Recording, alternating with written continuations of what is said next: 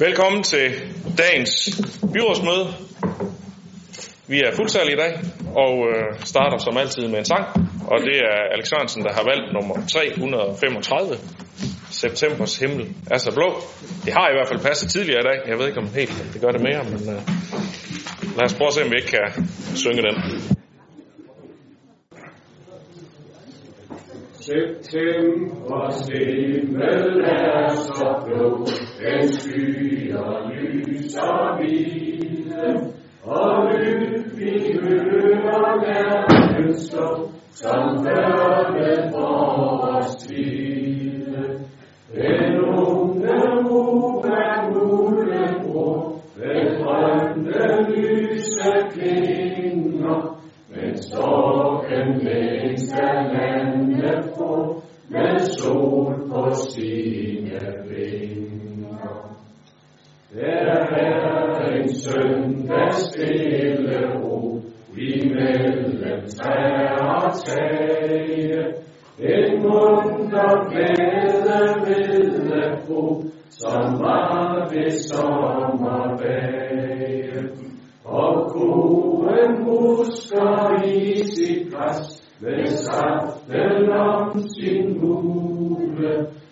mens kører hjem med vest, der lyser solskinskugle.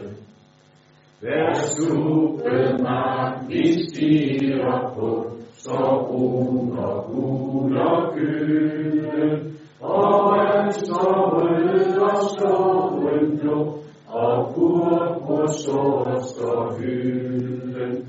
Og Georginas barnet bror, vand vaster siver have, så ikke er årets sidste flor, oktober så forgave.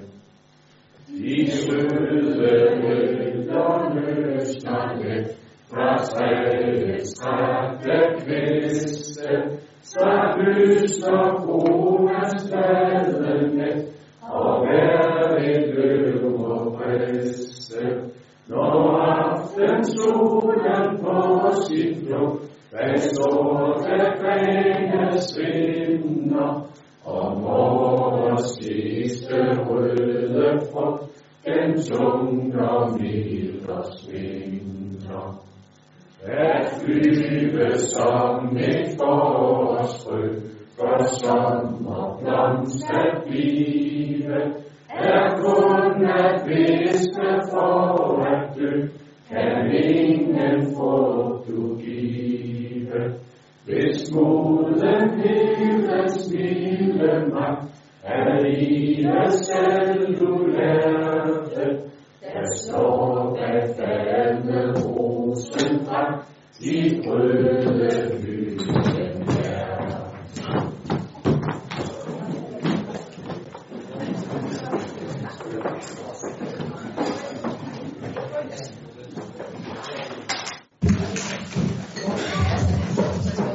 Vi er klar til at gå i gang med dagens program, og det første hedder godkendelse af dagsordenen. Jeg skal høre, om der er nogle bemærkninger til det.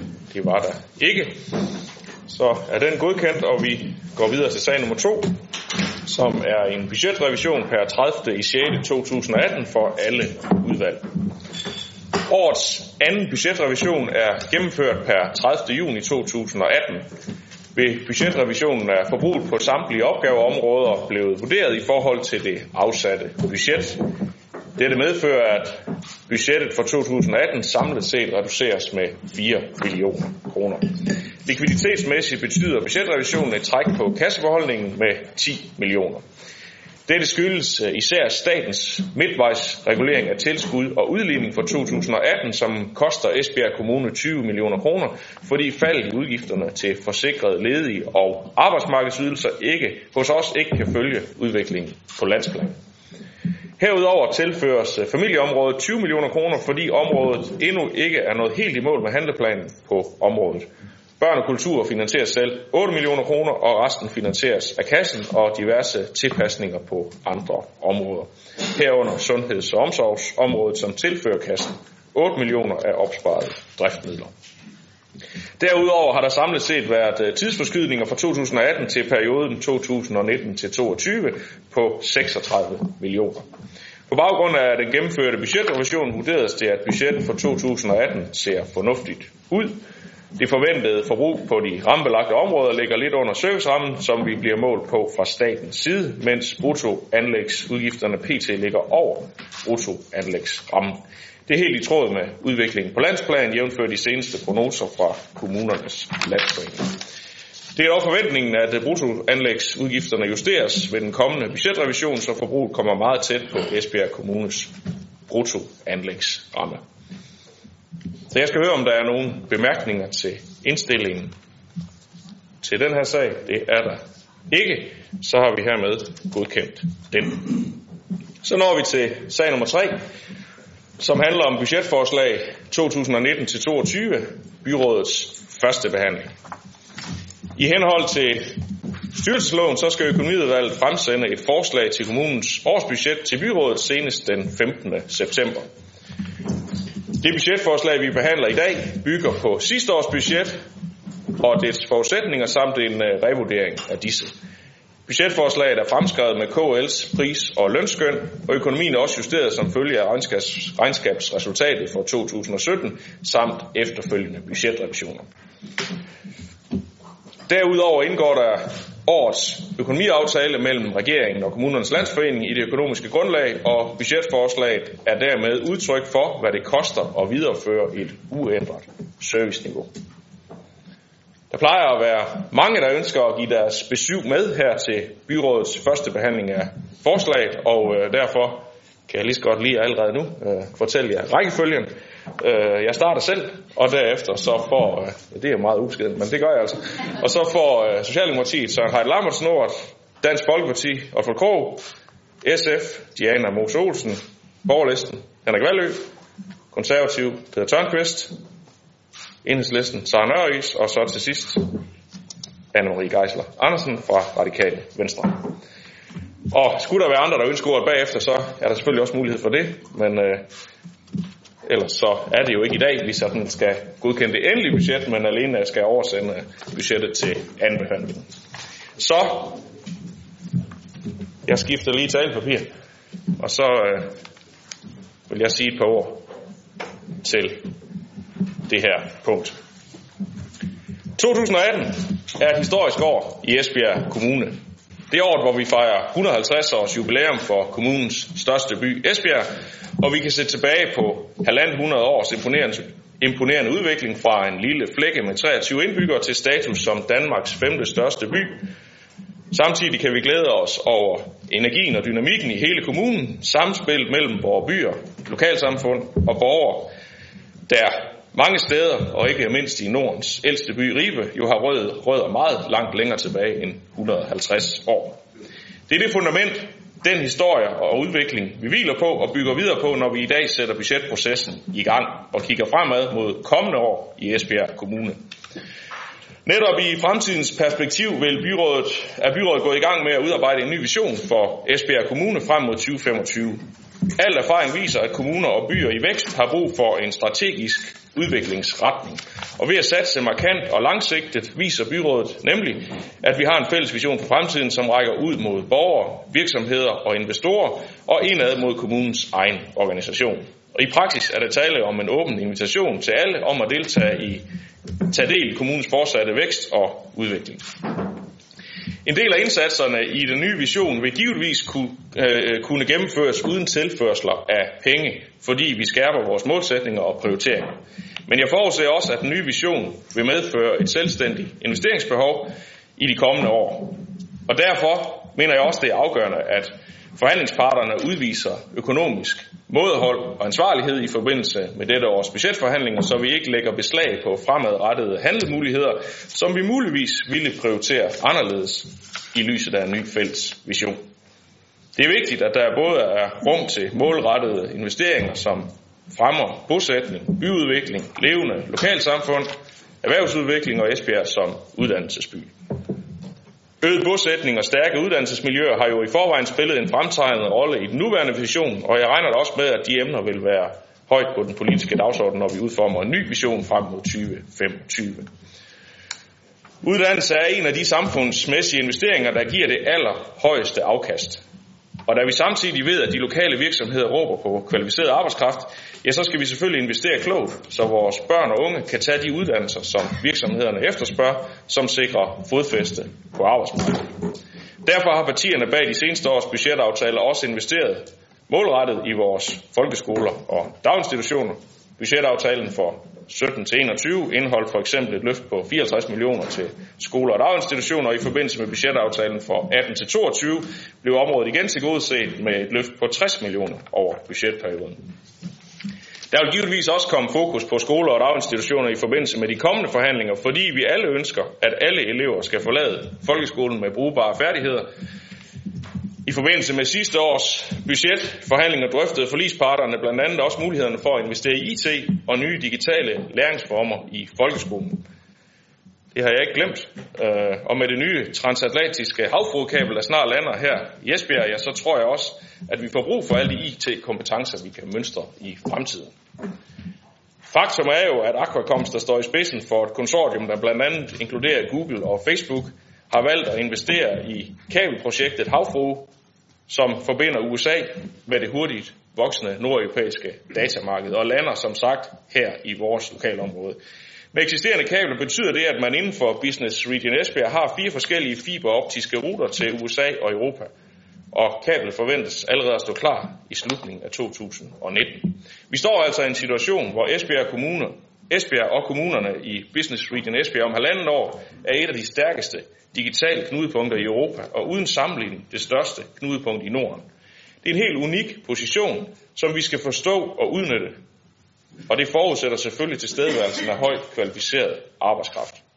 Inden for de kommende år skal vi derfor sikre, at vi uddanner de rigtige personer til at servicere en helt ny type industri, og vi, vi bør også arbejde for, at der oprettes relevante uddannelser på alle niveauer i lokalområdet. Vi skal desuden have skabt en stærk erhvervsklynge, der cementerer områdets position som Nordeuropas digitale knudepunkt. Business Region Esbjerg og Esbjerg Erhvervsudvikling kommer naturligvis til at spille en helt central rolle i denne udvikling. Og derfor skal jeg heller ikke undlade at bemærke, at øh, regeringen og Dansk Folkeparti i maj måned har indgået en politisk aftale om forenkling af erhvervsfremmesystemet.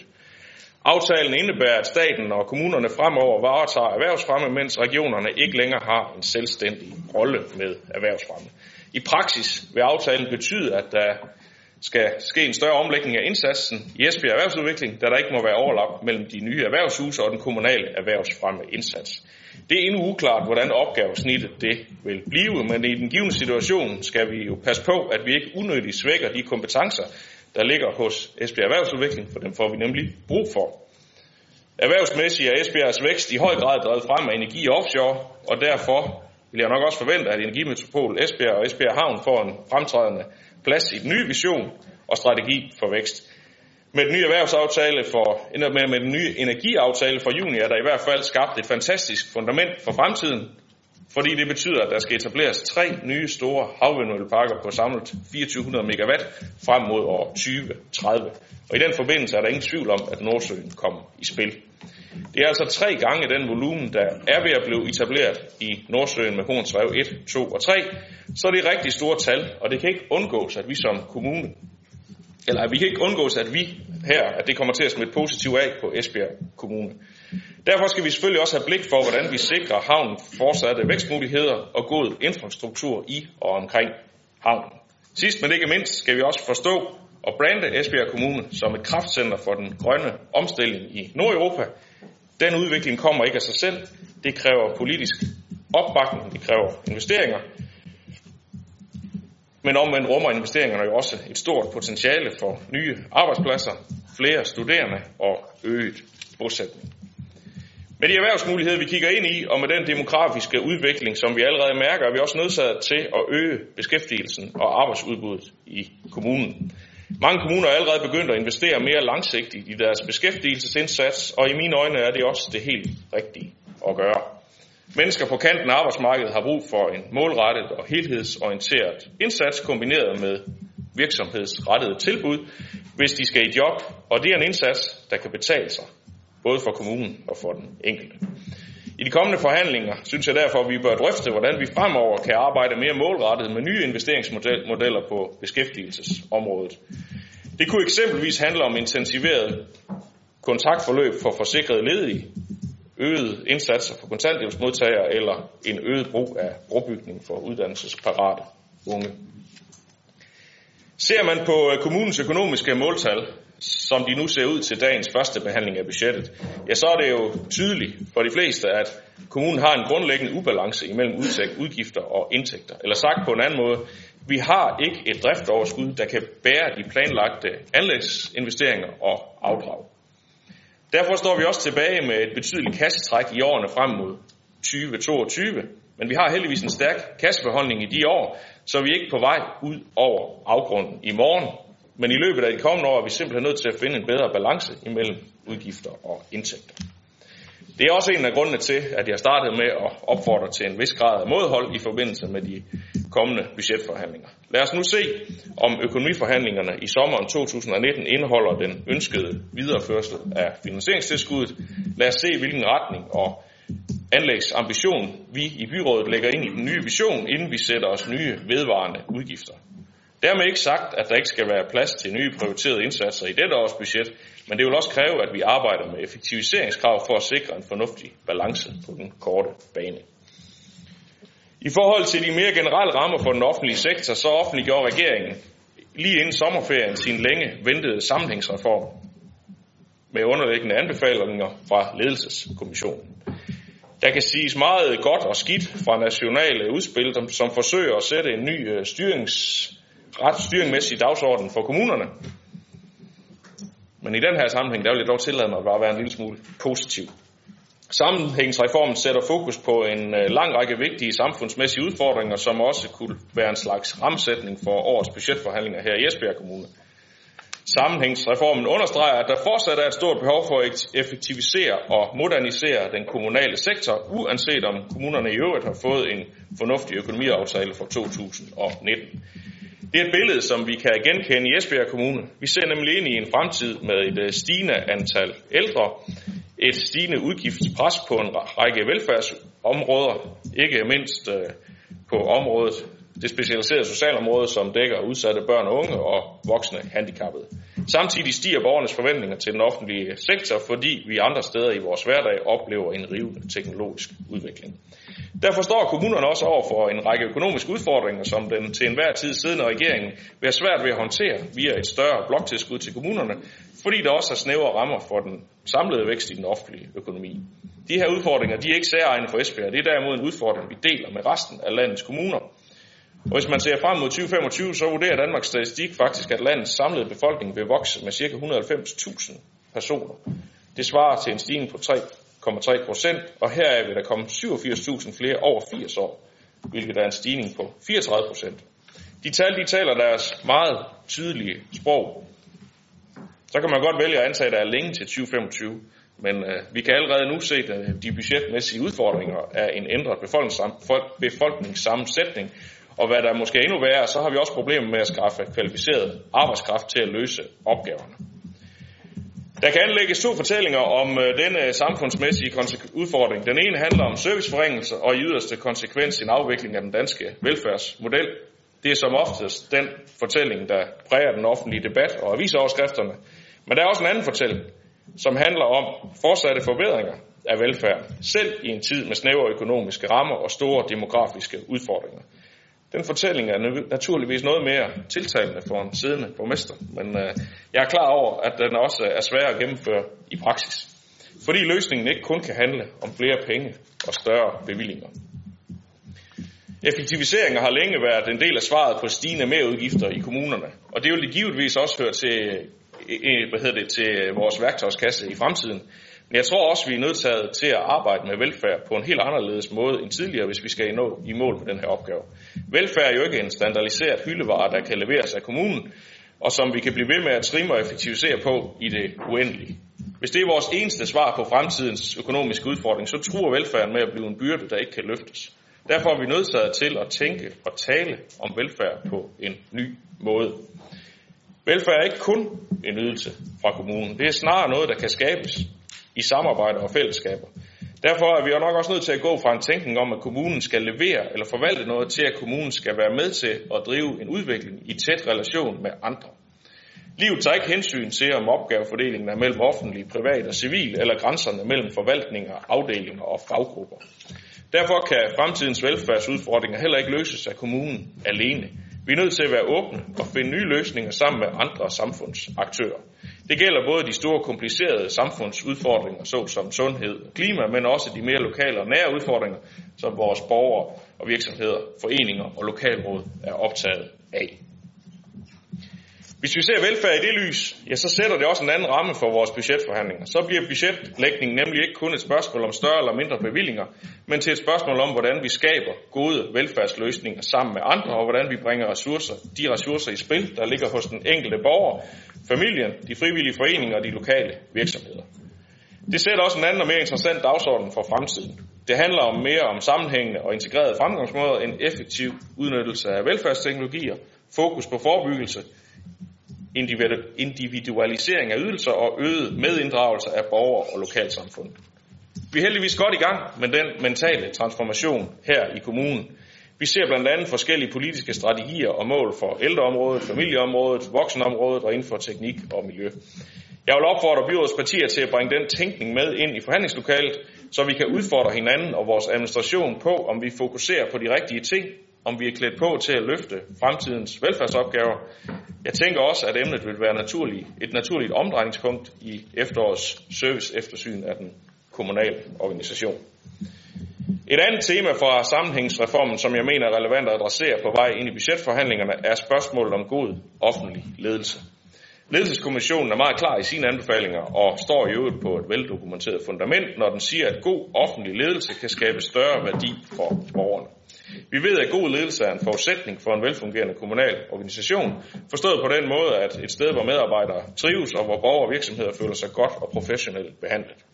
Velfungerende afdelinger og institutioner er også steder, hvor der arbejdes effektivt, hvor der er stor opmærksomhed på, hvad arbejdstiden bliver brugt til. Esbjerg Kommune har allerede gennemført og høstet en lang række effektiviseringer i de senere år, men vi bliver nødt til at fastholde og videreudvikle det fokus både i stort og småt. Ledelseskommissionen anbefaler, at politikerne skal vise mere tillid til lederne. Kommissionen skriver blandt andet, at offentlig ledelse er en særlig disciplin og markant anderledes end ledelse i den private sektor. Et afgørende grundvilkår for, at offentlige ledere, for offentlige ledere er, at den øverste ledelse er politisk. Det betyder, at alle offentlige opgaver er underlagt politisk kontrol og ledelse. Sådan bør det selvfølgelig, selvfølgelig og naturligvis også være. Men samspil lykkedes bedst, når ledere og medarbejdere respekterer, at det entydigt er politikerne, der fordeler ressourcer og prioriterer mellem interesser, og når politikerne samtidig overlader et vist beslutningsrum til de decentrale ledere og deres medarbejdere.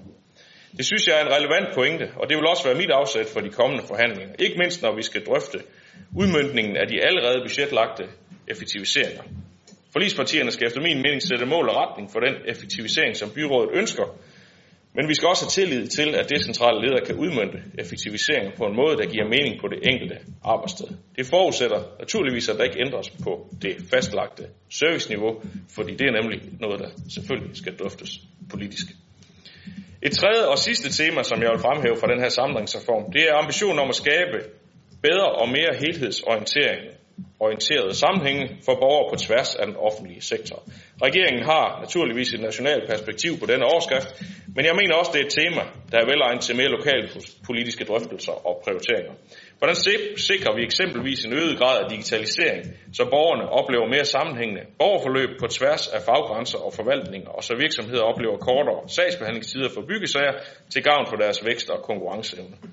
Hvordan sikrer vi bedre overgange fra barn til voksen på det specialiserede socialområde, så udsatte unge oplever smidige og klar overgang mellem familieområdet og voksenområdet? Hvordan sikrer vi, at borgere og familier med sammensatte og komplekse problemstillinger tilbydes en koordineret og helhedsorienteret indsats på tværs af fagområder og forvaltning, så vi ikke opbygger parallelle tilbud, der dybest set ikke er i borgernes interesse? For mig at se er det relevante spørgsmål, som jeg ved, at direktionen allerede arbejder med, fordi vi alle sammen ønsker det bedste for vores borgere og for kommunens fortsatte udvikling. Men budgetforhandlingerne er en naturlig anledning til at gøre status og vurdere, om der er behov for nye politiske prioriteringer og finde nye og anderledes svar på disse komplekse spørgsmål. Sammenfattende kan man vel sige, at vi går en spændende fremtid i møde. På den korte bane står vi over for nogle fortsatte hårde prioriteringsøvelser, når vi skal finde den rette balance mellem et fornuftigt serviceniveau og nye investeringer i fremtiden. Og set i lyset af de vækstmuligheder, der følger med det nye øh, havfrodkabel, så skal vi selvfølgelig også sikre gode vilkår for virksomhederne, for det er her fremtidens arbejdspladser skal skabes, og det er her den fortsatte vækst skal drives og sikres fra. Med disse ord, og det var mange, det ved jeg godt, så vil jeg se frem til en række konstruktive budgetforhandlinger, som jo starter op formelt den 10. september, og jeg håber, at vi som tidligere år kan samle et øh, bredt politisk flertal for en kommende aftale. Jeg vil hermed videregive stafetten til Socialdemokratiet og Søren Heide Lambers. Værsgo, Søren. Tak skal du have, Jesper. Socialdemokratiets vision er at udvikle Esbjerg Kommune i økonomisk, social og miljømæssig balance, hvor der er plads til alle, og hvor fællesskabet er helt centralt. Vi gik til valg på at skabe ny energi til fællesskabet. Det er også derfor den overordnede tilgang, vi har forud for budgetforhandlingerne. Med andre ord, tiden er kommet til borgerne. Vi vil skabe tryghed for den helt almindelige borger. Vi skal være trygge i hverdagen. Vi skal være trygge ved, at vores fællesskab er stærk. Det handler for os om, at den offentlige velfærd skal prioriteres højt. Dagtilbud med kvalitet og fleksibilitet, en folkeskole i topform, en aktiv seniorpolitik og en værdig ældrepleje. Vi vil holde hånden under de udsatte borgere og insistere på et godt miljø i bred forstand. Aldrig har vi levet længere, aldrig har vi været højere uddannet og haft så få fattige. Men samtidig har vi aldrig været mere medicineret, og aldrig har vi været mere ensomme, deprimerede og angste. Vi har med andre ord skabt velstand uden velvære, som filosofen Morten Albæk udtrykker det. Derfor vil Socialdemokratiets fokus være velfærd med velvære og nærvær. Både i forhold til de borgerrette ydelser, men også i forhold til de medarbejdere, der skal udføre opgaven til gavn for borgerne. Barnet, den syge, de ældre, de handicappede, de ledige og de udsatte. En økonomisk sund kommune er grundlaget for velfærdssamfundet. Derfor er det afgørende for Socialdemokratiet, at Esbjerg Kommunes økonomi er i balance. Vi arbejder for vækst, og der skal også være råd til at øge velfærden i fremtiden for kommunens borgere. Vi vil blandt andet skabe vækst gennem øget tilflytning og jobskabelse, så vi kan sikre økonomi, økonomi til en anstændig velfærd. Men de økonomiske rammer i Esbjerg Kommune er presset. Et øjebliksbillede af Esbjerg Kommunes økonomi viser dog, at vi lige nu er en kommune med penge på bankbogen. Faktisk med en gennemsnitlig kassebeholdning på over 1 milliard. Men, for der er desværre et men, vi er også en kommune, som har budgetteret med et meget stort træk på bankbogen hvert år de næste fire år. I alt 443 millioner i denne periode. Med andre ord, vi bruger hver år 110 millioner mere end vores indtægter. Dette træk er faktisk så stort, at hvis vi bare beslutter os for at køre videre uden at gøre noget, ja, så tømmer vi kassen. Yderligere har vi regeringens såkaldte moderniserings- og effektiviseringsprogram, der blev budgetlagt sidste år, men skal effektueres i år. I 2019 skal der udmyndtes for 50 millioner, stigende til 70 millioner i overslagsårene. Vi synes, det er både forkert og uværdigt, at regeringen lader kommunerne spare på statens vegne. For det er jo her i kommunen, at den forværende velfærd skal udmyndtes, og nu skal udhules, så regeringen kan finansiere skattelettelser.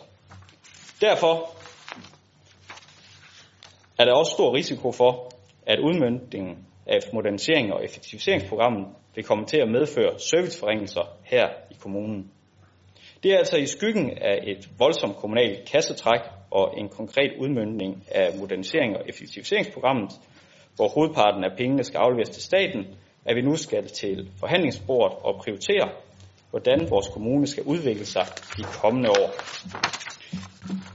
I dette arbejde gælder det både om at skabe et nødvendigt driftsoverskud til anlægsprojekter og gældsafvikling, samt sikre, at vi har en kommunal service og en kommune, som vi alle kan være stolte af at bo i.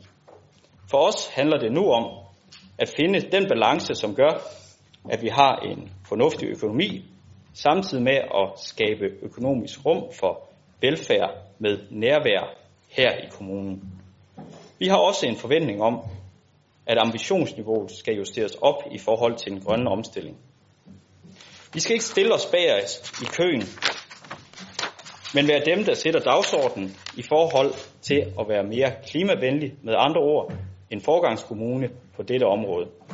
Men vigtigst er, at vi har fokus på at skabe velfærd med afsæt i velvære og nærvær. Vi må ikke i vores iver for at komme i mål med et budget glemme, at der uden for rådhusets mure er borgere, som har en berettiget forventning om, at vi faktisk er her for at skabe de bedste forhold for dem. For os er tiden kommet til borgerne. I er vores borgere, vi er jeres politikere. Derfor har vi også, derfor har vi som politikere også en forpligtelse til at skabe de rammer, som giver, de bedste, det giver den bedst mulige kommune at leve hele sit liv i. Overordnet bliver vi nødt til at korrigere på retningen. Men, men vi har lige nu mulighed for at navigere i tide, uden det bliver nødvendigt at lave panikløsninger og trække så voldsomt i håndbremsen, at nogen tabes på gulvet. Det er i hvert fald Socialdemokratiets krav til dette års budget. Vi rykker ikke tilbage til start.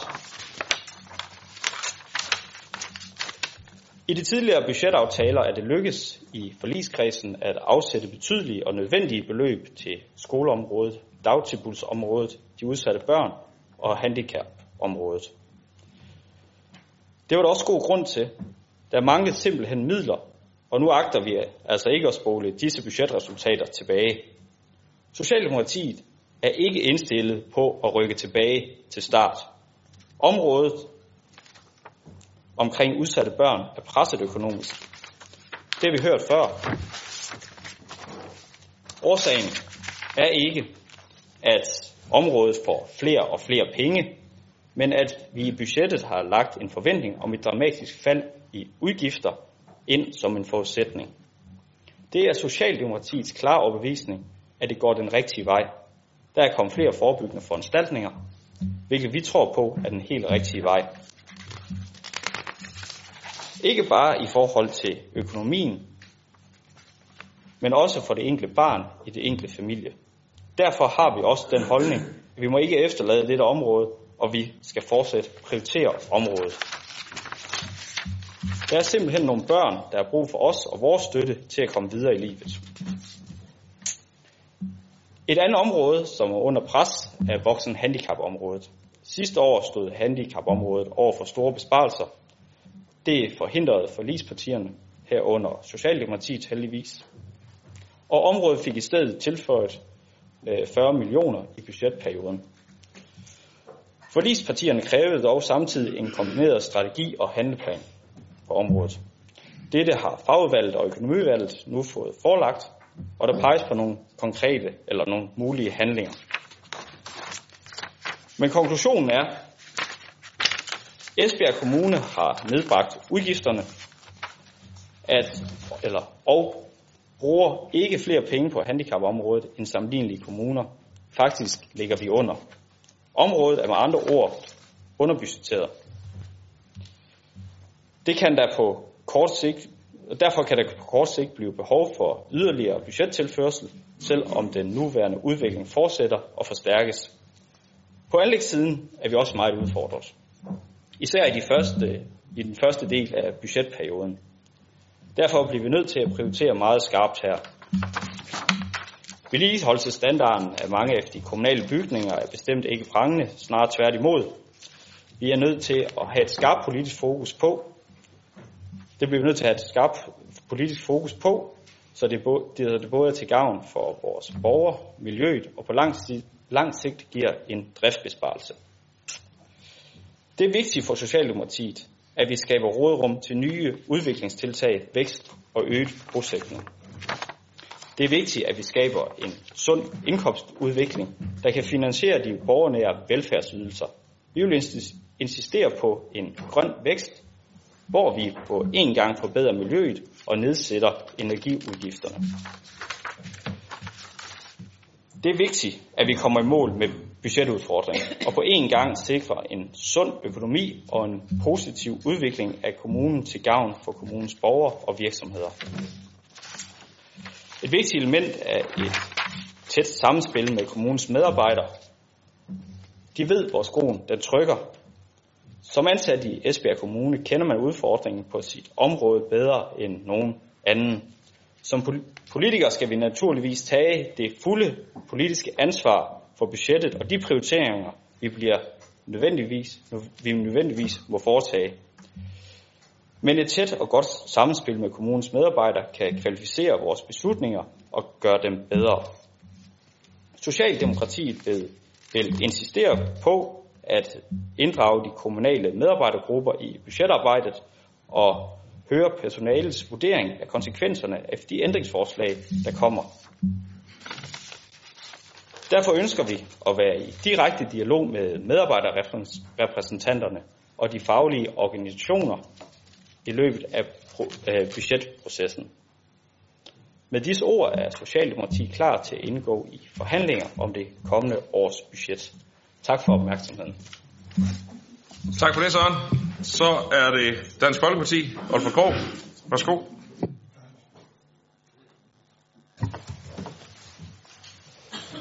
Byrådspartier skal i de kommende uger lave et budget for 2019. Og det skal helst ske uden serviceforringelser med de forventede indtægter og udgifter, som kommunen får.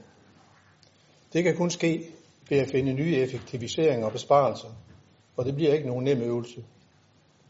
Øvelsen bliver ikke nemmere af, at partierne samtidig har ønsker om forbedringer inden for deres kerneområder, hvilket i de fleste tilfælde betyder ekstra udgifter. Dansk Folkeparti har stor forståelse for den økonomiske situation, vi i Esbjerg Kommune står overfor. Derfor mener vi heller ikke, at tiden er til voldsomme, voldsomme serviceudvidelser.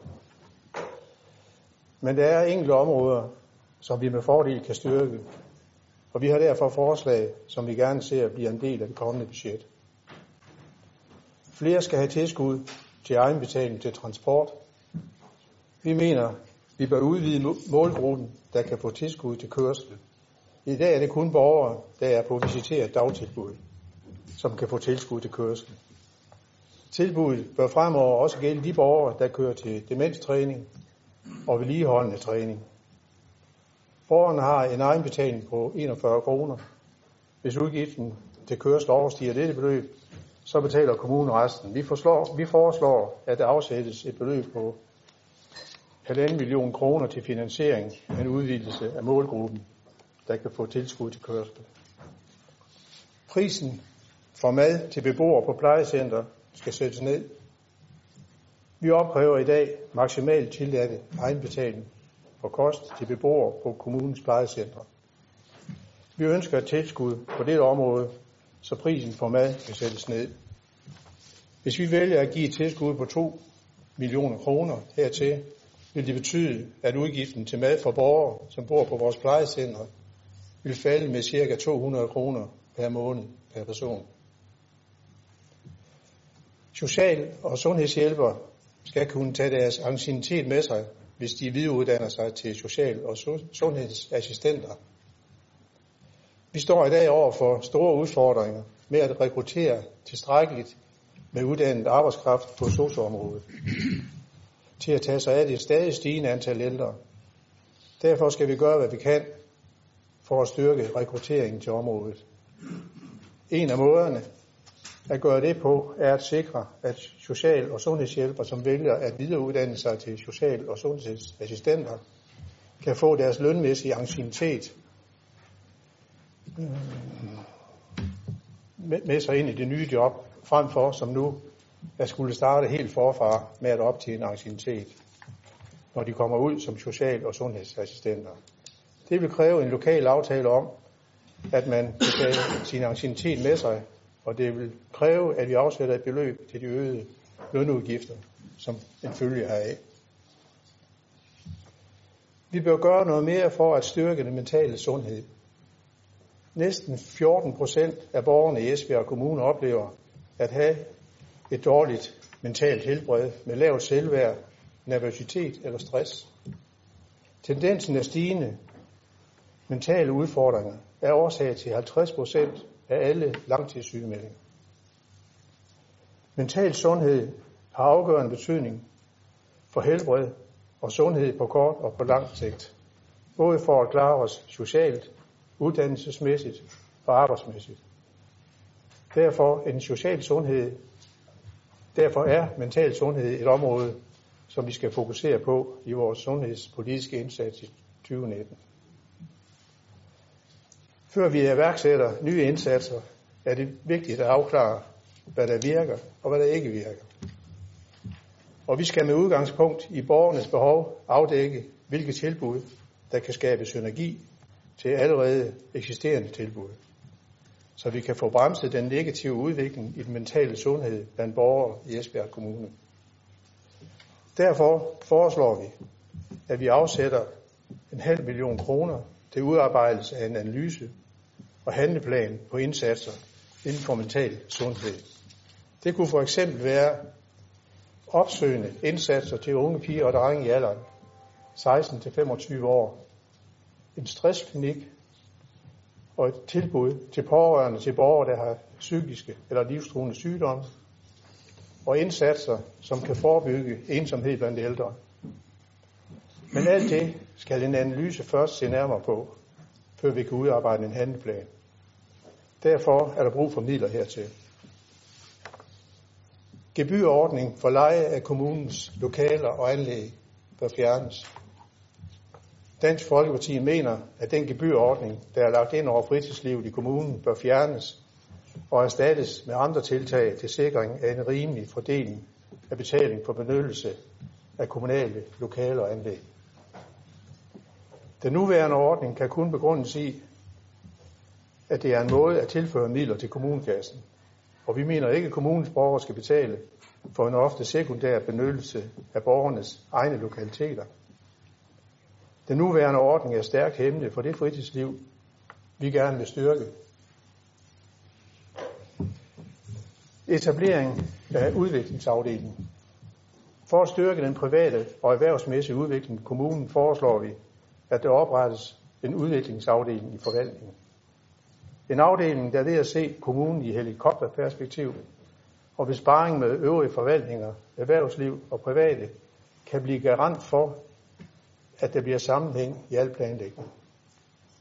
Vi foreslår, at der afsættes til beløb til etablering, men at, men at afdelingen bemandes ved normeringsomplaceringer. Der vil således ikke være tale om øget, øget byråkrati, men en forvaltningsændring. Vedligeholdelse af kommunens boligmasse og anlæg. Når det drejer sig om den generelle vedligeholdelse af kommunens bygningsmasse og anlæg, er der grund til bekymring. Ikke sådan, at alt er i forfald, men mange af vores sekundære vejanlæg, fortorv og bygninger trænger voldsomt til byrådets bevågenhed. Vi mener derfor, at der skal flyttes midler til vedligehold, hvis vi skal undgå, at byerne kommer til at se slidte ud. Gratis bus til studerende og pensionister. Vi mener, at studerende og folkepensionister som en forsøgsordning og på visse strækninger skal kunne køre gratis i de kommunale busser. Besparelser. Vi mener, at der er flere steder i det kommende budget, hvor der bliver mulighed for besparelser, men det vil vi først melde ud, når vi har læst forvaltningens budget i balance. Tak for ordet. Tak for det. Så er det SF, Diana Mose Olsen. Værsgo. Jo, tak. Og vi er jo kan man sige, langt, langt fra ved vejs ende. Vi er mange endnu, så man må væbne sig med tålmodighed.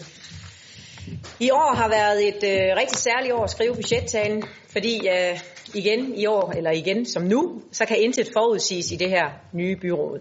Fordi normalt, når jeg de seneste mange år har skrevet talen, så har jeg faktisk på forhånd haft en ret klar fornemmelse af indhold og længde af de forudgående taler. Det har jeg ikke haft denne her gang, og øh, det har også vist sig i hvert fald ikke at holde stik, bare en antagelse, jeg havde. Dette byråd har indtil videre vist sig uforudsigeligt. Det er både på godt og ondt. Men jeg håber dog, at vi kan ende med at blive enige om budget til gavn for borgerne i Esbjerg Kommune. Et budget, alle, der er med, også efterfølgende vil stå ved, selvom det jo handler om at give og tage, og man må bakke op om ting, man ikke nødvendigvis ville have stemt for normalt. Der er nok at tage fat på for det her nye byråd, fordi økonomien den vedbliver med at være en udfordring, der skal have særlig opmærksomhed, og således også i år. Og selvom vi åbenbart igen skal igennem spareøvelser, så er der i SF's optik områder, hvor det på sigt vil være en besparelse at investere i, og det vil jeg også komme ind på i min tale. Men jeg vil begynde et helt andet sted, forholdsvis langt væk. Fordi i SF, der er vi meget begejstrede for FN's verdensmål, og mener, at vi bør forpligte os på at arbejde videre med og konkretisere FN's 17 verdensmål lokalt. Vi er ret overbevist om, at vi allerede er et godt stykke på vej, og derfor ønsker vi dels at finde ud af, på hvilken måde vores eksisterende aktiviteter og politikker bidrager hertil, men ligeledes om vores indsatser går den rigtige vej i forhold til bæredygtighed. Det er både på den økonomiske, sociale og miljømæssige område. Men selvfølgelig også, hvor der er udfordringer, og det er selvfølgelig derfor, jeg rejser den øh, her i dag, og det er ret relevant på, øh, i en budgetproces at rejse dette tema. Vi ser det som en naturlig øh, fortsættelse af den indgåede kommuneaftale, hvor regeringen og KL faktisk har klædet sig enige om at fortsætte og understøtte den positive udvikling med målene, at vi også her i Esbjerg Kommune bidrager positivt til at indfri de mål og øh, det Danmark har forpligtet sig til. Vi arbejder som kommune allerede positivt med en lang række delmål, uden at vi i øvrigt har holdt det op med FN's verdensmål. Det foreslår vi nu helt konkret, at vi gør fremadrettet. Og jeg vil komme ind på nogle konkrete eksempler på, hvor vi allerede arbejder inden for rammerne af verdensmålene, men også et par forbedringstiltag. Blandt andet her delmål 3.4, som og for Krog faktisk også har været inde, lidt inde på, nemlig en styrkelse af den mentale sundhed. Vi har allerede i dag en lang række af tiltag for at give psykisk sårbare nogle bedre muligheder. Men vi mener, at vi bør sikre, at flere får den hjælp og støtte, som de har brug for, til at kunne blive en del af samfundet. Ligesom vi mener, der bør være flere forebyggende initiativer i Esbjerg Kommune, så vi i fremtiden undgår, at så mange som i dag er uden for arbejdsmarkedet og uddannelse. Helt konkret mener vi, at vi bør afsætte midler til gruppeforløb for børn i sårbare positioner, såsom samtalegrupper for børn til forældre med psykisk sygdom, som det er foreslået af Psykiatrifonden. Jeg havde et møde med dem tidligere på året, og her er absolut et område, hvor vi kan gøre det bedre. Ligeledes bør vi have en forøget indsats med Cool Kids for børn med angst, og jeg vil da heller ikke undgå at nævne et forslag, vi også har haft med tidligere, nemlig gratis psykologhjælp til unge op til 30 år. Lige præcis her er det faktisk ret oplagt at investere, fordi det vil kunne spare os for udgifter i fremtiden, og det vil også harmonere godt med paradigmeskiftet på børne- og familieområdet, hvor vi har fokus på tidlig og forebyggende indsats. Men det vil også give nye muligheder til vores medarbejdere, der ofte står og mangler tilbud til børn og unge i sårbare positioner. Der er et andet delmål, der er spændende, nemlig delmål 7.3, hvor det handler om forbedring af energieffektiviteten. Den skal fordobles. Den er vi ret interesserede i at arbejde med, og vi kunne jo starte med at blive klimakommune. Det har vi kæmpet for en del år, og det bliver vi også ved med, indtil vi indgår som klimakommune sammen med de, og lige fat, allerede nu 71 kommuner, som har indgået øh, en aftale med Danmarks Naturfredningsforening om at nedbringe CO2-udslippet fra egne aktiviteter med minimum 2% om året. Hvis 71 andre kommuner kan, så kan vi altså også. Det vil kunne give os anledning til at øh, forsøge at satse yderligere på cyklisme, både på nye lokale cykelstier og andre tiltag til fremme af cyklisme. Det vil også øh, give os mulighed for at kigge lidt mere på en indfasning af flere el- og hybridbiler i den kommunale vognpark, men også øh, det her med at bygge mere miljøvenligt på vores egne institutioner og også ved nybyggeri. Så er der et andet element, som jeg nok ikke er sikker på, at vi bliver enige om. Det er mål 8.8, som handler om at beskytte arbejdstagerrettigheder og skabe sikre arbejdsmiljøer. Vi har godt nok allerede et stort fokus på både rettigheder og arbejdsmiljø, men vi kunne godt arbejde lidt mere med at lave sociale klausuler og undgå social dumping. Det er et krav, vi længe har kæmpet øh, for her i Esbjerg Kommune, men øh, jeg vil gerne love nu, at det ikke bliver et ultimativt krav for SF, for så kan vi lige så godt blive uden for døren i forhandlingerne helt fra starten af.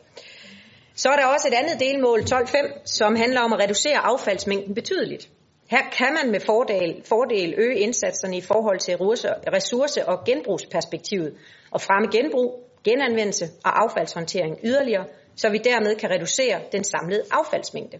Vi kom allerede sidste år med et forslag omkring cirkulær økonomi, Den er vi ikke mål med endnu, så der er også forbedringspotentiale.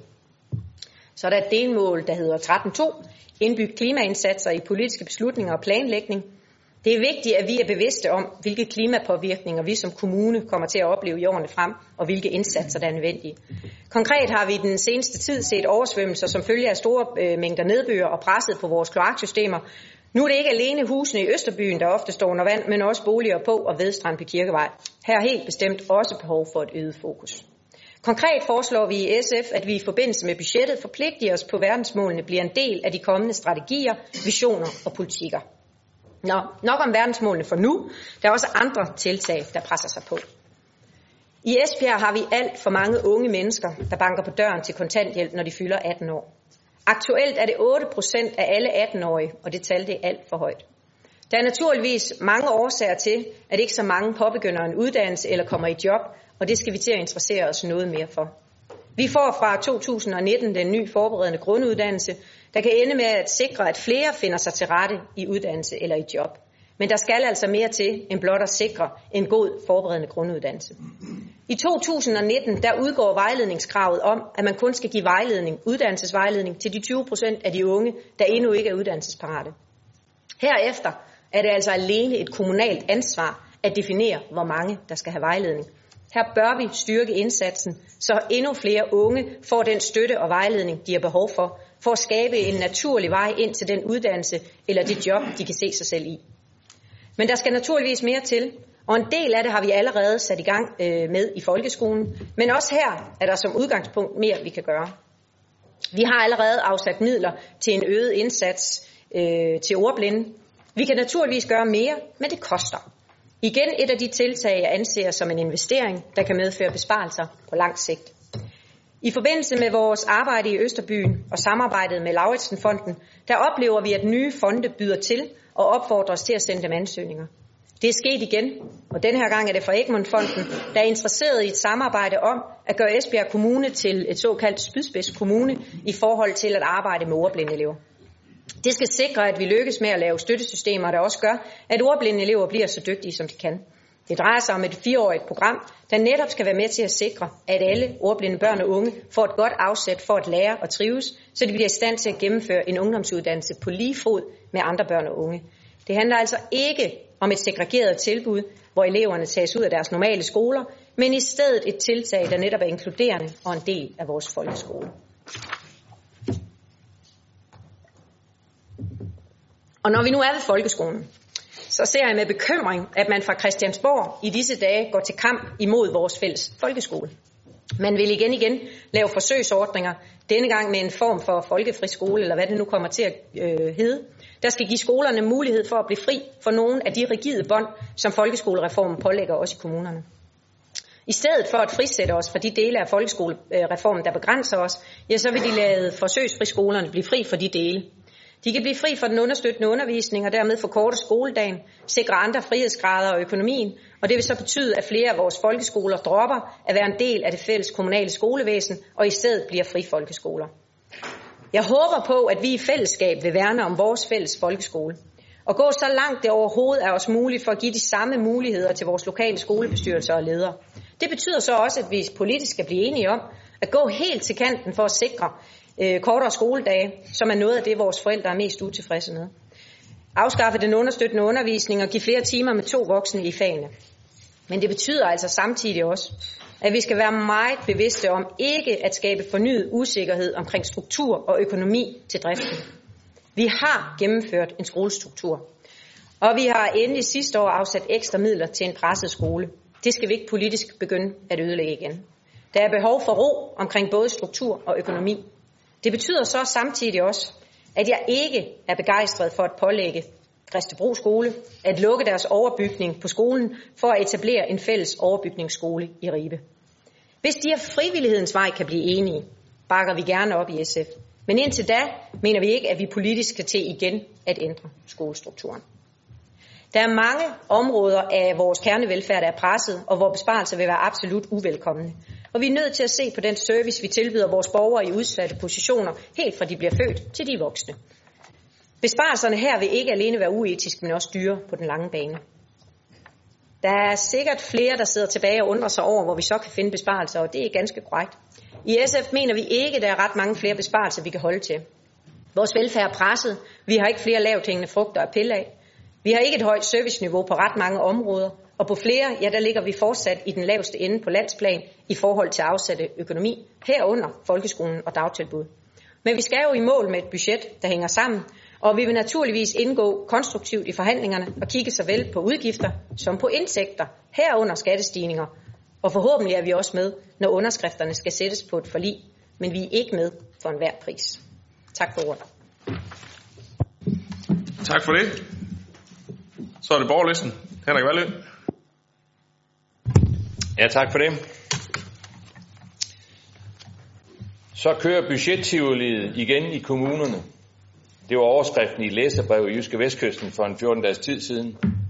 Da jeg læste det, det var ikke særlig fornuftigt i øvrigt, det der stod, men øh, overskriften, da jeg læste det, der tænkte jeg, ja, det kan skriveren øh, naturligvis have lidt ret i, men det er ligesom en del af det kommunale årsjul, at vi her i september tager fat i de næste års budgetter. Og det gør vi naturligvis, fordi det er en skalopgave, og samtidig en vigtig påmindelse til os alle om, at økonomien i kommunen skal der konstant være fokus på. For år tilbage husker jeg ikke, at vi brugte helt så meget tid på at tale budget og økonomi, men de senere år synes jeg næsten, vi taler budget mere eller mindre hele året. Budgetlægningen i år vil give være lidt anderledes. Der har været et kommunalvalg, som har betydet en del nye byrådsmedlemmer. Vi har fået en ny borgmester. Vi har fået en ny kommunaldirektør. Så alt i alt er der en del nye øjne, der måske ser budgettet lidt anderledes end tidligere.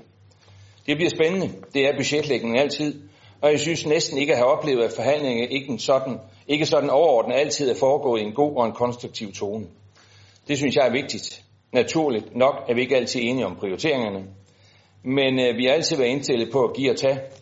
Der er andre, der var inde på det samme i dag. Og på den måde nærmer os hinanden, naturligvis inden for rimelighedens grænser. Så jeg håber også, at det bliver sådan i år. Det har været forår, som i nogen grad har været præget af, at den nye byråd øh, sammen har skulle øh, ligesom finde sine fødder og lære hinanden at kende. Alle nye byrådsmedlemmer har skulle forsøge at suge viden til sig om de mange områder, som de sammen med os genganger har fået ansvar for i deres udvalg. Det at være et nyt medlem i et byråd af, i en kommune af Esbjergs størrelse er faktisk en stor opgave. En opgave, som man ikke bare lige fra den ene dag til den anden lige kommer ind i, men jeg fornemmer, at vi alle, nye og genganger, og ved fælles indsats er kommet rigtig godt fra start, og at vi i fællesskab øger læringskurven dag for dag. Næste step er nu at finde sine fødder, og, læringskur- og læringskurven er bestemt gjort endnu stejlere i det budgetarbejde, vi står overfor. I Esbjerg Kommune har vi en stor pengebeholdning. Vores økonomichef, som sidder hernede bagved, Eddie Dydensborg, har flere gange i økonomiudvalget brugt udtrykket, at pengekassen buner. Det er rigtigt, men virkeligheden er også, at vi trækker, trækker rigtig meget på kassen i de kommende fire år, og derfor er vi alle nødt til at stoppe op og sikre, at budgetterne styrer sin rigtige retning, så pengebeholdningen ikke skrumper, skrumper for meget, også på en længere bane. Min fornemmelse er ikke, at vi, at vi er i en krisesituation, men rettidig omhu er vigtigt. I Social- og Arbejdsmarkedsudvalget har vi brugt foråret på at arbejde med analysen af handicapområdet. Vi har faktisk brugt mange møder på at blive klogere på dette vanskelige område. Jeg er glad for at kunne konkludere, at KLK-analysen viste, at området punkt 1 er meget veldrevet, at der allerede er i gang sat mange initiativer til at effektivisere, at området har reduceret udgifterne, så vi i dag er tæt på landsgennemsnittet, at udgiften i mange andre kommuner stiger, men at Esbjerg faktisk er lykkes med at holde udgifterne i nogenlunde ro. Vi er i udvalget meget optaget af, at handicapområdet ikke påføres urealiserbare forringelser. De borgere, der får hjælp fra området, har brug for den hjælp, og de har allerede været udsat for en del serviceforringelser i de senere år. Vi er i udvalget godt klar over, at det er et omkostningstungt område, men det er altså også borgere med mange udfordringer, som vi har ansvaret her for. Og når jeg bruger udtrykket vi, så mener jeg hele byrådet. På beskæftigelsesområdet, som er området med et hav af lovgivning og snørklede regler, sker der ofte pludselige ting, som kan være svært at planlægge efter. En af de pludselige ting, der kom ind af fordøren her hen over sommeren, var regeringens aftale om en ny erhvervspakke, som altså skal finansieres via midler hentet fra beskæftigelsesindsatsen. Det betyder helt konkret, at jobcentret her i Esbjerg Kommune hen over sommerferien har fået fjernet knap 18 millioner kroner i 19-budgettet. Penge, som ellers skulle anvendes til vejledning og opkvalificering til gavn for de ledige i vores kommune. I Social- og Arbejdsmarkedsudvalget har vi drøftet konsekvenserne af erhvervspakken, og vi er meget bekymrede for konsekvenserne for de ledige, øh, der nu er, når der nu er færre penge til rådighed. Fra borgerlistens side må jeg sige, at jeg finder det stærkt bekymrende, at vi har en regering, som fjerner store summer fra, store summer fra beskæftigelsesområdet, helt uden at konsultere kommunerne, som jo har ansvaret for indsatsen.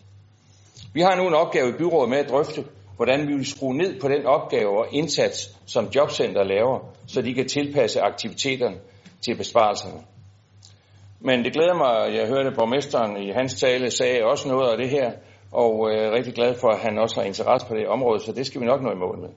Den nemme, den nemme løsning kunne jo være at sige, at det må jobcenteret selv finde ud af. Men efter min mening kalder det faktisk på meget vigtige politiske diskussioner af, hvordan mener vi egentlig i Esbjerg, at vi gennemfører, hvordan, at vi vil gennemføre regeringspolitik, og vil vi egentlig det? Den diskussion synes jeg, vi skal tage med hinanden, men naturligvis ikke her og ikke i dag. Der er rigtig mange områder og emner i byrådsarbejdet, der i høj grad interesserer borgerlisten. Jeg skal nok undlade at ramse dem alle sammen op, men det er nok ikke nogen hemmelighed af borgerlisten, og jeg er meget optaget af, at vi som kommune lykkes at holde hånden under de svageste i vores samfund. Det bør altid have høj prioritet. Jeg ved, at vi skal holde igen med vores idéer øh, og krav til nye politiske tiltag. Økonomisk modhold og tilbageholdenhed, eller til en vis grad, tror jeg, at borgmesteren udtrykte. Men der er i årvist efterlyst intelligente forslag til budgettet. Forslag, der skal ses som en investering. Og her følger bestemt et af dem. Noget af det, borgerlisten helt naturligt vil arbejde for, er noget af det, vi allerede sidste år satte fokus på. Heldigvis flere end borgerlisten, og i øvrigt også fik afsat penge til, nemlig vores ordblinde børn. Desværre er de penge nok ikke helt anvendt, som mange af vi politikere havde forestillet os. Jeg har arbejdet meget videre med den her sag, og allerede tilbage i februar måned i år fremsat et forslag til de forestående budgetforhandlinger, omhandlende en langt større og bedre indsats for ordblinde i Esbjerg Kommune. Vi skal helst alle kunne være stolte af vores kommune, og jeg må bare sige, at lige på det her område, så har vi ikke så meget at være stolte af. Jeg har undersøgt lidt rundt omkring i Danmark om, hvordan og hvilke indsatser man arbejder med i forhold til ordblinde.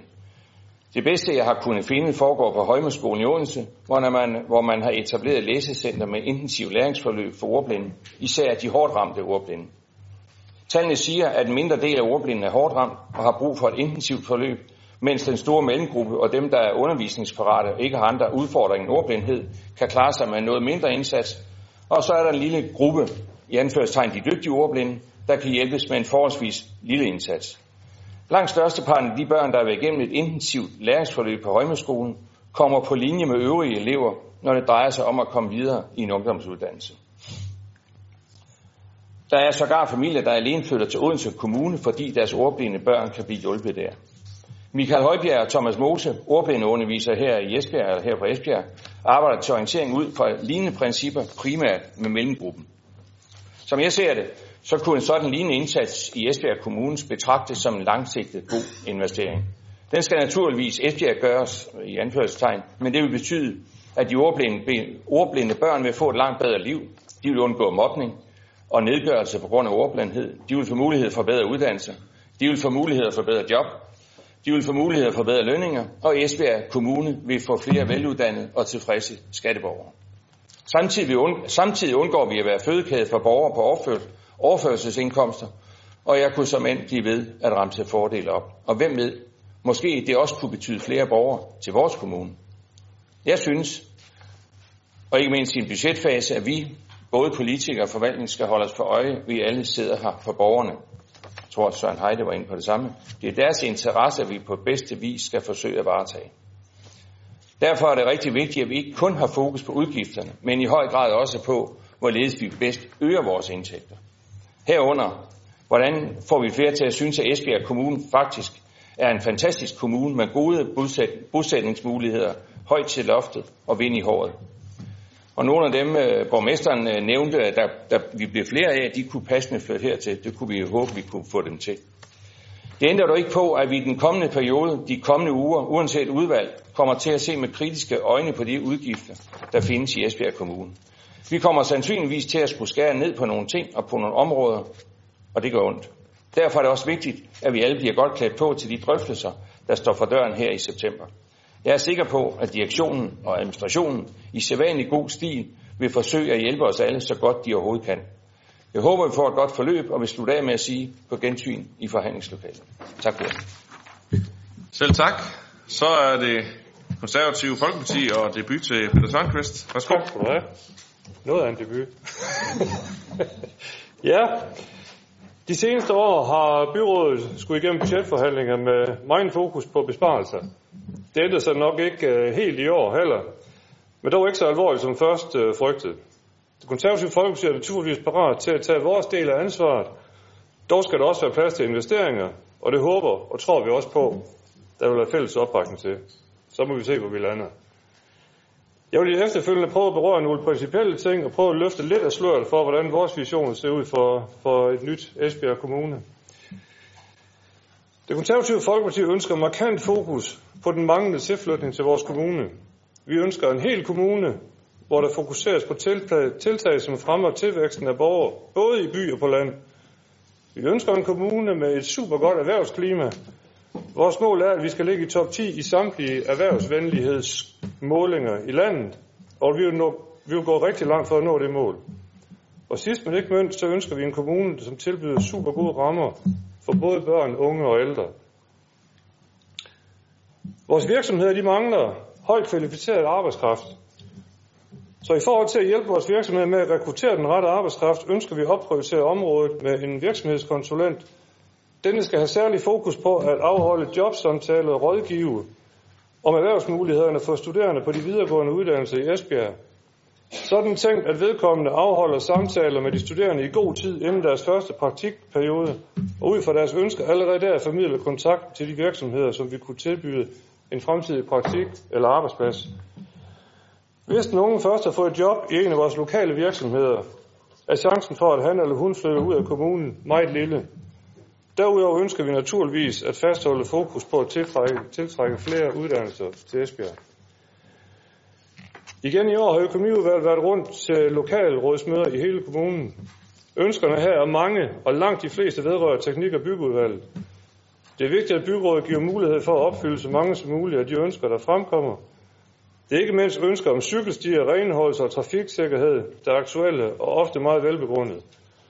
Det er vores intention, at vi fortsat kan afsætte et væsentligt beløb her. Det konservative Folkeparti ønsker at styrke det lokale engagement ude i de mindre lokalsamfund. Vi ønsker blandt andet, at alle lokalråd får tildelt et markant større beløb, end det nu er tilfældet. Penge, som de herefter selv forvalter uden nogen indblanding fra kommunen. Det vil koste meget lidt, men gavne virkelig meget. Derudover ønsker vi også at lytte til lokalrådene i den henseende, at så frem der lokale ønsker om udstykning af flere byggegrunde, så skal vi i videst mulig omfang bakke op om disse ønsker. Det er vigtigt, at vi også får nye borgere ud i de mindre lokalsamfund, og også der kan tilbyde attraktive byggegrunde. Vi kan ikke koncentrere bosætning alene i de større byer. Sundhedsområdet har fortsat væsentlige og store opgaver, som fremadrettet skal løses. Det vigtige for os er, at de midler, der tilføres området, for det er vi ikke i tvivl om, der skal øremærkes de varme hænder, så vi får flere til at passe, pleje og give omsorg. Derudover mener vi, at de ældre skal have mulighed for at vælge med mere fleksible kvalitetstilbud, der passer til den enkelte. På socialområdet er det vigtigt for de konservative, at der er orden i økonomien, så derfor skal der også på det område være en stram økonomisk overvågning, så budgetterne ikke løber løbsk.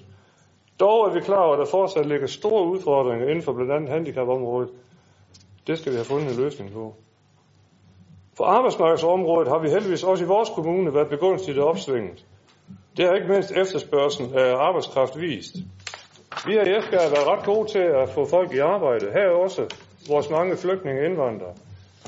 En af de store opgaver fremadrettet bliver at fastholde disse på arbejdsmarkedet, således at disse borgere står bedre rustet, når konjunkturerne igen vender, og det gør de på et eller andet tidspunkt. Fremadrettet vælger til lige en stor opgave med at få opkvalificeret de mange, som stadig mangler uddannelse eller kurser for at komme ind på arbejdsmarkedet. Derfor ønsker vi øget fokus på denne opgave. For os er det en absolut mærkesag at tage os godt af de, som ikke kan tage vare på sig selv. Ligeledes er det hjerteblodet for os at tage sig godt af de, som af Danmark bliver sat ud i verdens brandpunkter for at risikere liv og lemmer. Det er ikke nok, at vi hæder veteraner med festligheder på flagdagen, og vi har også en veteranpolitik på vej, som er et skridt i den rigtige retning, men vi synes ikke, det er nok. Vi ønsker at gøre en reel forskel. Vi ønsker, at den kommunale veterankoordinator skal have langt mere fokus på den gruppe af borgere, og at den, som varetager jobbet til lige, har et indgående kendskab til forsvaret og militær personel. Rigtig mange af vores lokale arbejdsgiver mangler faglærte håndværkere, men flere og flere af vores unge vælger i stedet de gymnasielle uddannelser, hvilket er dejligt for de fleste. Men mange burde måske i stedet have valgt håndværksvejen. Men det har i alt for mange år ikke været fint nok. Så derfor oplever vi rigtig mange sidde på den forkerte skolebænk. Derfor mener vi, at UU-vejledning skal styrkes, så det bliver et tilbud, som alle i 8. og 9. klasse kan benytte sig af. Vi ønsker derfor, at erhvervsvejledningen i folkeskolen skal styrkes markant, så oplysninger om erhvervsuddannelse sidestilles med de almindelige ungdomsuddannelser. Det konservative folkeparti mener, at kulturen skal næres og holde i live. Kulturen giver os en forståelse af, hvor vi kommer fra, hvor vi er og hvor vi bevæger os hen. Hvis vi ikke nærer den kunst og kultur, der har skabt og vedvarende skaber det Danmark, vi kender, mister vi vores fælles kulturelle forankring. Fundamentet skabes i folkeskolen, så vi mener, at alle dele af uddannelsessystemet skal sikre, at elever og studerende opnår et højt fagligt niveau på området. Vi ønsker til lige, at tilføres yderligere midler til styrkelse af SSP-indsatsen, med særlig fokus i den her omgang på Bramming og Ribe-området.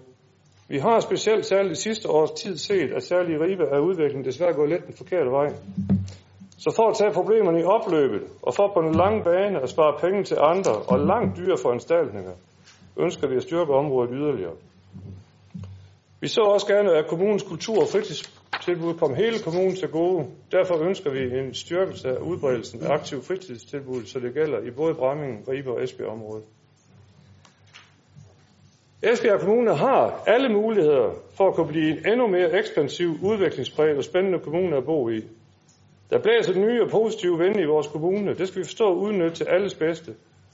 Et nyt byråd giver mulighed for, at vi nu kan gøre tingene på en anden måde, end det blev gjort de sidste mange år. Derfor også fuld opbakning fra konservativ side til, at der arbejdes, til det arbejde, som borgmesteren har sat i gang med en organis- omorganisering, eller eftersyn af i hele kommunen. Det var sådan set ordene herfra. Tak for det. Jamen selv tak. Så er det enhedslisten og Sara Nørris. Værsgo. Tak skal du have. Og lige om lidt, når jeg så går i gang med det, jeg sådan set er forberedt, så er der nogen, der vil tro, at mig og Diana, vi har siddet og lavet det hele sammen. det har vi ikke. Ja, øh, det kunne vi godt have gjort, for det, det er stort set det samme, jeg skal tale om. Fordi hvis jeg har bare et eneste ønske, som jeg kunne få opfyldt i de her forhandlinger, så skulle det være, at vi som kommune arbejder øh, aktivt med FN's 17. verdensmål. Og så kunne jeg jo egentlig bare stoppe her. I har også hørt en del af det fra Diana af, men jeg synes alligevel, at jeg vil gennemgå noget af det for jer, for jeg er faktisk i tvivl om alle er helt med på ideen. Verdensmålene udgør 17 konkrete mål, 169 delmål, og de forpligter alle FN's 193, 193 medlemslande til helt at afskaffe fattigdom og sult i verden, reducere ulighed, sikre god uddannelse og bedre sundhed til alle, anstændige jobs og mere bæredygtig og økonomisk, mere bæredygtig økonomisk vækst. Alt sammen mål, som enhedslisten i øvrigt har kæmpet for igennem rigtig, rigtig mange år. Og det er klart, der er en verden til forskel, når vi taler om at afskaffe fattigdom, om vi sidder her i Esbjerg Byråd, eller man er præsident i Burkina Faso. Men uanset hvor i verden vi befinder os, så er det ikke rimeligt, at der er nogen, der skal leve i fattigdom.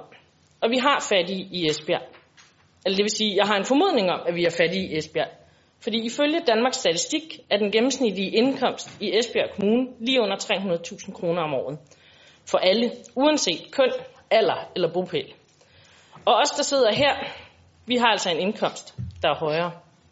Og jeg kender rigtig mange, der har en indkomst, der er højere end 300.000 om året. Ikke nogen, der er rige, vil jeg mærke. Altså er der nogen, som tjener en hel del mindre. Men hvornår er man så egentlig fattig? Eller bare økonomisk sårbar, som Danmarks Statistik også opererer med? Det kunne jeg rigtig godt tænke mig, at vi arbejdede aktivt med her i kommunen. For fattigdom gør rigtig meget dårligt for dem, det rammer. Du dropper at gå til tandlægen, fordi det koster penge. Også selvom det begynder at gøre ondt i kindtanden. Du er ikke med i foreningslivet, fordi kontingentet svarer til flere dages mad til hele familien. Måske endda flere ugers mad, hvis du er alene.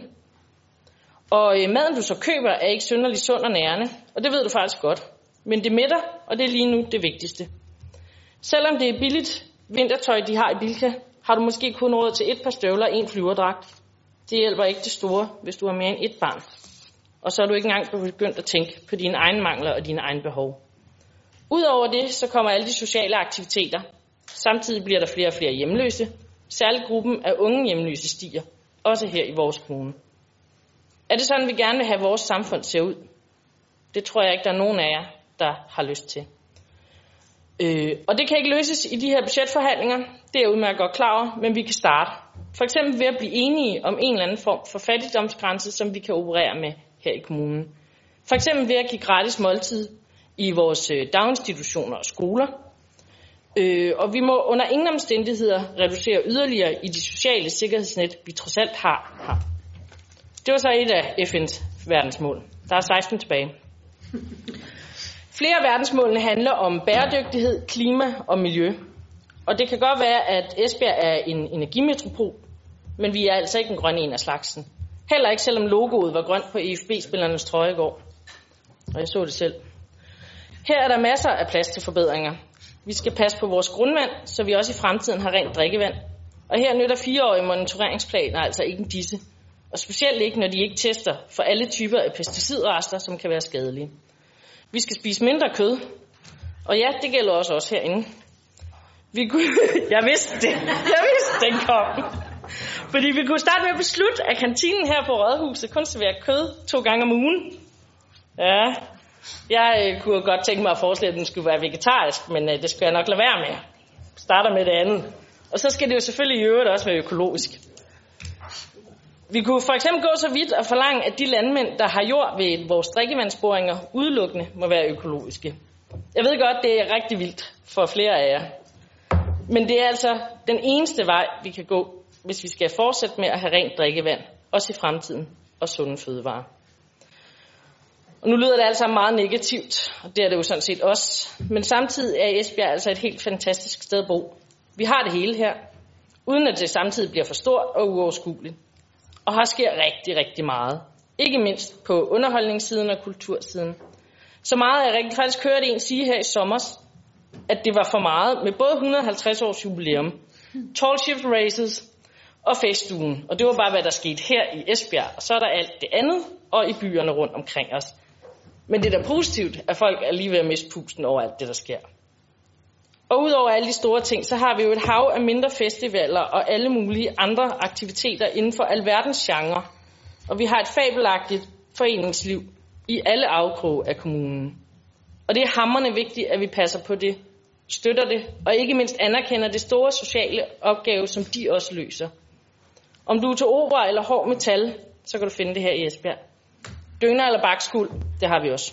Kunstmuseum, bueskydning, folkedans og frimærkesamling. Vi har sådan set det hele, og ellers så laver du bare selv din egen forening, hvis du overhovedet ikke kan finde noget. Så udover 17, de 17 FN's verdensmål, så ønsker jeg mig faktisk kun én ting. Og den ved jeg, den kan I ikke klare. Det er nemlig en ny regering, der lader være med at fjerne alle pengene fra kommunerne hele tiden. Så det må vi lige finde ud af at ordne en anden dag. Jeg glæder mig til forhandlingerne og håber, de bliver positive for os alle sammen. Tak for ordet. Selv tak. Og den sidste i rækken, Radikale Venstre, Anne-Marie Geisler Andersen. Værsgo. Ja, lige præcis. Når man kender Sara, så fristes man til at sige, at vi også kan få mulfrit her i uh, kommunen. øhm, det er jo en lidt utaknemmelig opgave at komme som rosinen i pølseenden, og så er jeg oven i købet radikal og i et rum uden luft.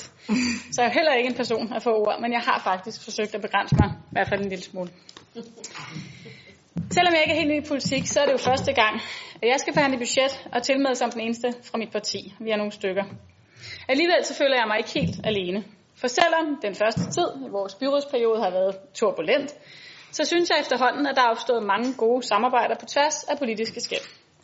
Og derfor ser jeg frem til budgetforhandlingerne, som jeg håber, vi alle vil gå konstruktivt ind i. Også selvom det bliver svært, fordi det bliver det. Og der er vist ingen tvivl om, at i år, der bliver det ikke nogen gavebrud. Som mange andre politikere, der kan jeg også bedst lide at dele ud, ikke mindst til mennesker, som har det svært. Og i Radikale Venstre, der koncentrerer vores primære budgetønsker sig derfor også om det. Men de er ikke voldsomt store. For selvom økonomisk ansvarlighed det ikke er et mål i sig selv, så er det et vigtigt middel. Et middel til, at vi kan alle de ting, vi gerne vil, i forhold til vores børn, i forhold til den grønne dagsorden, i forhold til borgernes trivsel, livskvalitet med mere. Ikke kun nu, men også fremover, som det også er blevet sagt. For vi skal mindske trivselen, mistrivselen blandt børn og unge, og reducere antallet af mennesker, som rammes af stress, og bekæmpe ensomheden blandt ældre mennesker. Men der er ikke flere penge i kassen, end der er, og dem vil vi fra radikal side meget gerne være med til at tage ansvar for at fordele på bedst mulig vis. Der er ingen tvivl om, at der skal sluges kameler, for at få enderne til at mødes. Jeg har øvet mig lidt. Forleden fik jeg en kiks af Miller, der sad på bagsædet. Jeg kunne se, at det var en kamel, så jeg lagde den lige et øjeblik, inden jeg spiste dem. Men det gik. Og jeg har ikke ondt i maven endnu. Men vi vil fra radikal side strække os så langt, vi overhovedet kan. For som politikere, så skal vi ikke kun tage ansvar, når tingene er lette. Vi må i den grad også tage ansvar, når det bliver svært. Men hvor ligger radikale venstres prioriteter så? Og jeg kunne også have holdt et par af de andre taler. For det er vores håb, at årets budget i år, det i den grad bliver et børnenes budget, at den grønne dagsorden vil fylde, og jeg har talt i hvert fald næsten alle andre partier også har været med på den. Og ikke mindst, at vi vil have fokus på, hvornår vi opnår den højst, eller hvordan vi opnår den højst mulige trivsel og livskvalitet for kommunens borgere. I forhold til børnene, så er vi meget optaget af den tidlige og forebyggende indsats, og den starter som bekendt allerede i daginstitutionerne, ja allerede hos sundhedsplejen, eller måske allerhelst, når en familie venter sig. Men det er vores klare opfattelse, at vores folkeskoler er dem, der er mest udfordret lige pt. Og også her kan man jo tale om en tidlig indsats. Derfor så omhandler vores væsentligste ønsker blandt andet at få lavet samtalegrupper, som på glædeligvis også er nævnt, på alle vores folkeskoler for børn og unge, der oplever sorg, forældrenes skilsmisse, alvorlig sygdom eller som har lettere psykiske problemer. Et ønske, som jeg også gik til valg på. Ligeledes så har vi et ønske om, at øh, vores folkeskoler de skal have en trivselsperson, som både kan være der for børn i udsatte positioner og støtte op om børnefællesskab. For vi skal nemlig have langt mere fokus på fællesskabet, frem for primært at tale inklusion og gøre det enkelte barn til problemer. Fungerer fællesskabet, så er det en gevinst for alle. I vores øjne, der skal vi derfor starte med trivselen, for det er selve forudsætningen for indlæring. Og så vil nogen måske indvende, at vi jo i Esbjerg Kommune er flot med, hvad angår trivselen, hvis man sammenligner de danske folkeskoler. Og det er også rigtigt. Men som samfund, der står vi stadig over for en stor, og desværre også nok stigende udfordring med børn og unge, som døjer med psykiske problemer.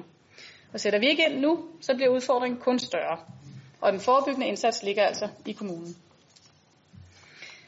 Jeg oplever, at det faglige personale mange steder på såvel special- og almen tilbud øh, på skoleområdet, de efterspørger mere støtte på netop dette område. Og også de ansattes trivsel hænger sammen med dette. For nok er lærertrivsel ikke nødvendigvis lige med børnetrivsel, men du får næppe sidstnævnte, hvis vores lærer ikke kan hænge sammen. Og derfor skal vi have flere ansatte med netop kompetencer inden for udsatte børn og klassefællesskab til at virke ude i praksis. I Radikale Venstre der har vi også en vision om, at Esbjerg ikke blot skal være energimetropol, men en grøn energimetropol. Og derfor bakker vi op om alle de grønne og bæredygtige investeringer, vi kan foretage. Det gælder både i forhold til erhvervslivet, i forhold til nye uddannelser inden for klima og miljø, bæredygtige institutioner, bedre kollektiv transport og grønne områder med mere. Helt konkret så vil vi også gerne være med til at fremme SF's forslag om, at vi skal være klimakommune. For selvfølgelig skal vi da det. Mere end to tredjedel af Danmarks kommuner er meget bekendt klimakommune med fokus på at reducere CO2-udslippet. Og som grøn energimetropol, der er det radikale venstres optik slet og ret ikke noget, vi kan stå udenfor. Når vi taler livskvalitet og trivsel, så er særligt en tidlige indsats over for vores børn vigtig. Men det er også vigtigt, at vi holder hånden under socialt udsatte og mennesker med handicap. Og derfor er det afgørende, at vi med dette års budget formår at få taget hånd om familie- og handicapområdet, som er voldsomt udfordret budgetmæssigt. Vi kan ikke blive ved med at skyde budgetmæssige huller og krav om besparelser foran os. For os i Radikale Venstre er det heller ikke en bæredygtig løsning at blive ved med at låne. For at kunne sikre såvel social som miljømæssig bæredygtighed også i fremtiden, så er vi nødt til også at sikre økonomisk bæredygtighed. Og det bliver på ingen måde let, for der er ingen let løsning. For samtidig skal vi jo sikre de bedst mulige forhold for mennesker med handicap, hjemløse med flere. I forhold til sidstnævne går, ud, går udviklingen tydeligvis også den forkerte vej. Og derfor der vil vi meget gerne investere i flere af de gode tiltag, som vi allerede har sat i værk over for unge i hjemløshed. Men det fordrer, at vi får skabt rådrum dertil. Så på anden sidste side. Den sidste er ikke så langt. I Radikale Venstre, der vil vi derfor gerne være med til at se på, om vi eventuelt kunne flytte nogle flere midler fra anlæg til drift, som nogle partier tidligere har ønsket. For det handler om prioritering. Og i vores øjne, der kommer eksempelvis hjælpen til udsatte borgere før flere cykelbrugere. Derfor er vores ønsker til anlæg også noget beskedende, vil jeg mene. Overordnet, så mener vi, at vi på cykelområdet bør starte med at få lavet sikre skoleveje for alle kommunens børn. Selvfølgelig en af gangen. Og ligeledes så har vi i kommunen en meget lang liste over tiltrængte renoveringer af kommunens skoler liggende. Vi må starte fra en ende, men det er bare at komme i gang. Og der er formentlig også et par andre af vores kommunale bygninger, som kunne trænge til et løft. Her tænker jeg blandt andet på daginstitutioner og plejehjem. Vi kan dog ikke det hele på en gang, så vi må starte et sted. Derudover, der vil det radikale fokus i budgetforhandlingerne, som i byrådsarbejde generelt, overordnet være, at vi bor og lever mere blandet, på tværs af diverse skæld. For kun sådan tror vi, at vi får skabt den forståelse for hinanden, som er essentielt, hvis fællesskabet skal fungere. Kan vi skabe mere blandede boligområder og mere blandede skoler, eller styrke foreningslivet, som jo også er helt fantastisk til at binde forskellige mennesker sammen, så er vi klar. Vi vil også gerne fjerne regler og dokumentationskrav, hvor det er muligt, og sikre mere metodefrihed til de ansatte. Det gælder ikke mindst på beskæftigelsesområdet, hvor indsatsen bør gøres langt mere målrettet og meningsfuldt for den enkelte borger. Det vil formentlig også kunne højne arbejdsglæden hos vores medarbejdere. Ligeledes så gælder det på skole, daginstitutions- og ældreområdet. Jo flere beslutninger vi kan lægge ud lokalt, jo mere metodefrihed, og særligt jo færre dokumentationskrav, desto bedre. Og så skal vi blive bedre til at inddrage de mennesker, vores beslutninger omhandler. Det vil altså organisationer, borgere, virksomheder og ikke mindst vores medarbejdere. Det har vi jo for eksempel gjort i forhold til forslaget om en fælles overbygning skole i Ribe. Og her der er vi også landet på samme, eller landet på samme sted som SF. For efter at have mødtes med såvel børn som forældre, der ønsker vi heller ikke at inddrage øh, Græsterbro i sammenlægningen.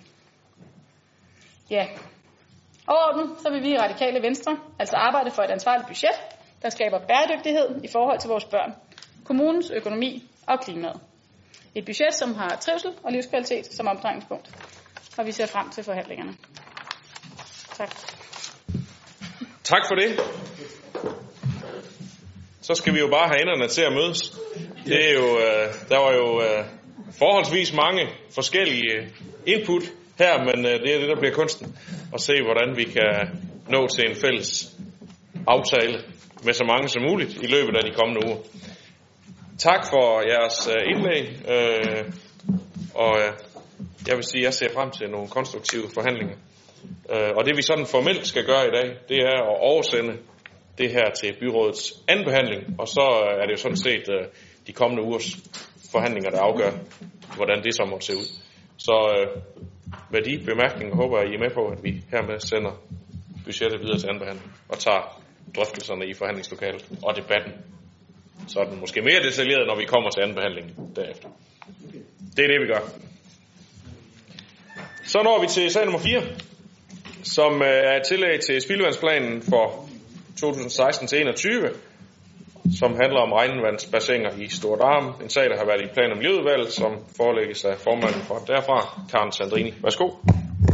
Tak skal du have. Som afslutning på separat kloakering af Stordarm er det nødvendigt at etablere to regnvandsbassiner, som skal håndtere regnvandet, inden det løber ud i Marie Tue øh, Guldgrøft. Bassinerne skal etableres i et landskabeligt sårbart område, og der vil derfor blive taget højde for dette i en efterfølgende landzonetilladelse. Spildevandstillægget skal danne grundlag for en ekspropriationsbeslutning, så der kan ske opkøb af de nødvendige arealer. Esbjerg Kommune får udgifterne dækket af din forsyning. Det er også din forsyning, som skal stå for etablering af bassinerne og for den efterfølgende vedligeholdelse. Plan- og Miljøudvalget og Økonomiudvalget indstiller til byrådet, at tillæg til spildevandsplan øh, 2016 og 2021 for to øh, forsinkelsesbassiner i Stordarme vedtages. Det er der ikke nogen, der har masser af tale lyst til, så det synes jeg da bare, vi skal følge indstillingen der så. Det gør vi. Sag nummer 5 kommer vi til. Et høringssvar til landspladet, landsplan redegørelsen 2018. Også en sag for plan- og miljøudvalg, så du får ordet igen, Karen. Værsgo. Tak. Erhvervsministeren har sendt forslag til landsplanredegørelsen 2018 i høring. Landsplanredegørelsen er regeringens vision for den fysiske planlægning. Redegørelsen er derfor med til at sætte rammerne for kommunens planarbejde. Forslaget fokuserer på de ændringer af planloven, der er gennemført siden sidste folketingsvalg. Herudover er der et nyt tiltag, der handler om øget digitalisering af planområdet. Der er udarbejdet et politisk og et teknisk høringssvar. I den politiske del af høringssvaret er der fokuseret på de planlovsændringer, der har størst betydning for udviklingen af Esbjerg Kommune. Det er blandt andet muligheden for at udlægge udviklingsområder i kystnærzonen og lempede vilkår i landzonen, der fremhæves. Med den øh, øh,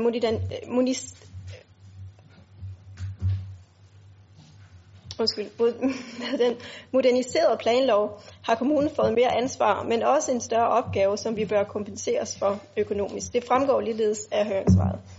Plan- og Miljøudvalget, ud, Plan- og Miljøudvalget og Økonomiudvalget indstiller til byrådet, at høringssvarene godkendes. Det ser det ud til, at vi også kan. Så går vi videre til sag nummer 6, som handler om etableringen af en OK vaskehal i Bramming. En sag, der har været øh, behandlet i plan- og miljøudvalget, og som øh, Hans Erik Møller derefter har begæret i byrådet. Så Hans Erik, du får lov til at fremlægge herfra. Værsgo. Tak skal du have, Jesper. Det er korrekt. Det er en sag, der har været behandlet op til flere gange i plan- og miljøudvalget.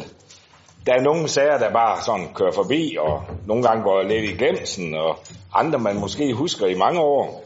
Jeg tror, at den her sag, det er nok en af dem, der kommer til at høre den sidste øh, kategori. Sagen er kort fortalt, at øh, den 25. januar 2016, der rettede selskabet OK Amba henvendelse til Esbjerg Kommune med en principielt, principielt forspørgsel om muligheden for at opføre en vaskehal beliggende Nørregade 30 i Bramming. I forbindelse med sagsbehandlingen Øh, undersøges der, om der i det forspurgte er i overensstemmelse med gældende lokalplan, og om gældende miljøkrav er overholdt. Og det vurderes helt klart, at det er tilfældet, og når der ikke skal ændres i lokalplanen eller gives dispensationer, så skal sådan en sag slet ikke faktisk behandles i det politiske system.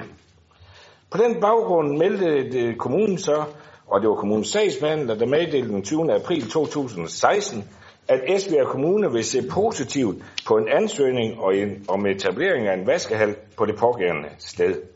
Og jeg vil gerne understrege her, at kommunens sagsbehandler har handlet fuldstændig korrekt. Så hvis der er nogen ude omkring, der har en anden opfattelse, så er den absolut forkert. For denne afgørelse, den har så at betragte som en principiel godkendelse, og der ligger derfor en såkaldt begunstiget forvaltningsakt. Det betyder så, når man oversætter til dansk, at man kan stole på denne godkendelse, og man kan handle og disponere ud fra denne godkendelse. OK har altså en berettiget forventning om, at de kan få byggetilladelse til at opføre en vaskehal på adressen Nørregade 30, og de fremsender en endelig ansøgning den 29. september 2017. Efterfølgende viser det sig, at både i Bramming Byforum og Bramming Lokalråd er der modstand mod denne placering. Derfor afholdes i forbindelse med sagen flere møder med forvaltningen og ansøgeren med henblik på at få afklaret, om der kan findes en egen placering af vaskehallen, alternativt om, hvordan den bedst skal udformes, så den passer bedst ind i miljøet. Ansøgeren fastholder den ønskede placering uagtet, at der i Bramming Byforum og Lokalråd er modstand mod placeringen. På plan- og miljøudvalgsmødet den 19. juni drøftede vi dette i udvalget, og vi havde nok et håb om, at der kunne findes en løsning, alle kunne tiltræde, og derfor anmodede vi forvaltningen om at afholde endnu et møde med ansøgeren. Der afholdes derfor et nyt møde med ansøgeren den 25. juni 2018. På dette møde fastslog ansøgeren den ønskede placering som ansøgt, og har efterfølgende fremsendt materiale, der viser den forventede udformning af vaskehallen.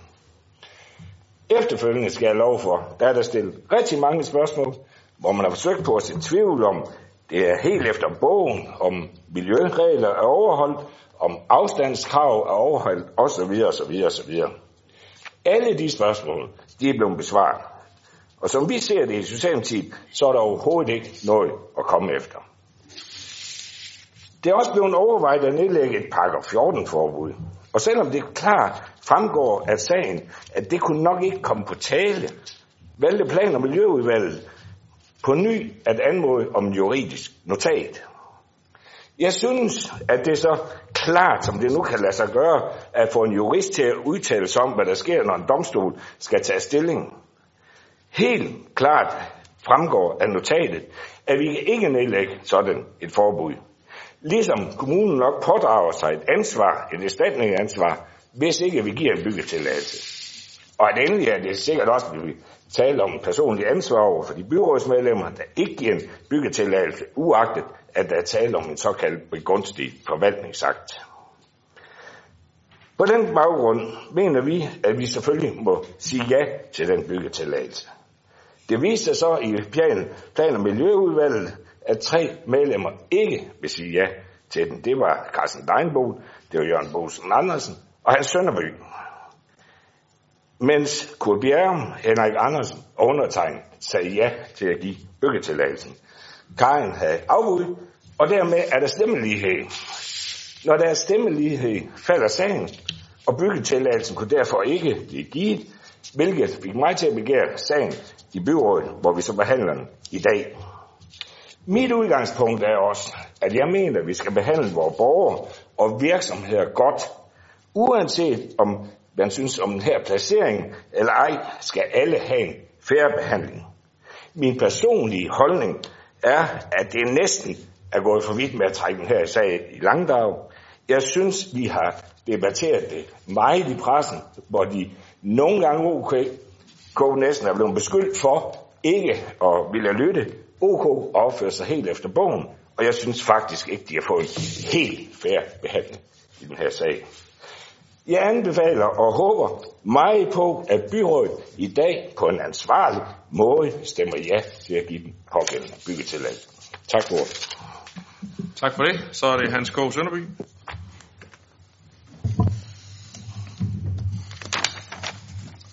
I Dansk Folkeparti er vi ikke specielt for eller imod vaskehaller.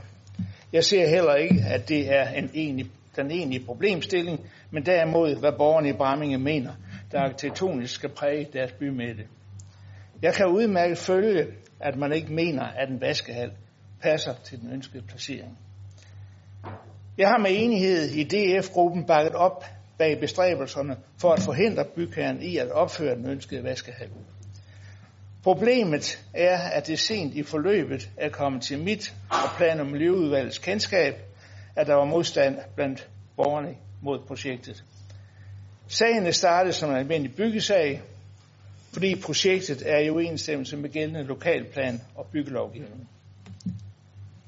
Havde modstanden været kendt, før bygherren havde fået sit forhåndstilsavn, kunne en paragraf 14 stop have forhindret byggeriet.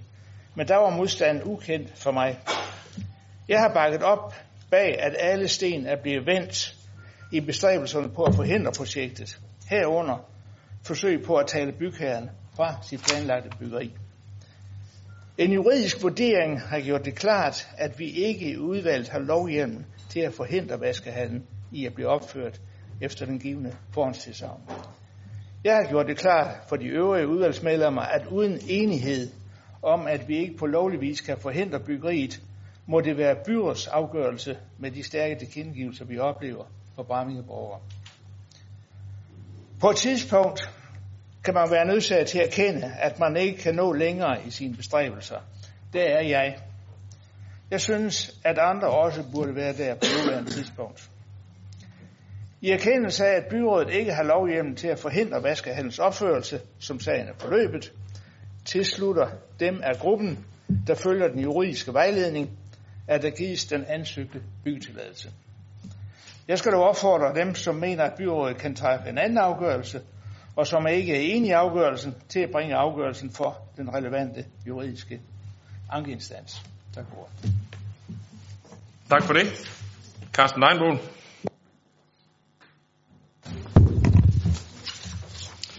Ja, tak.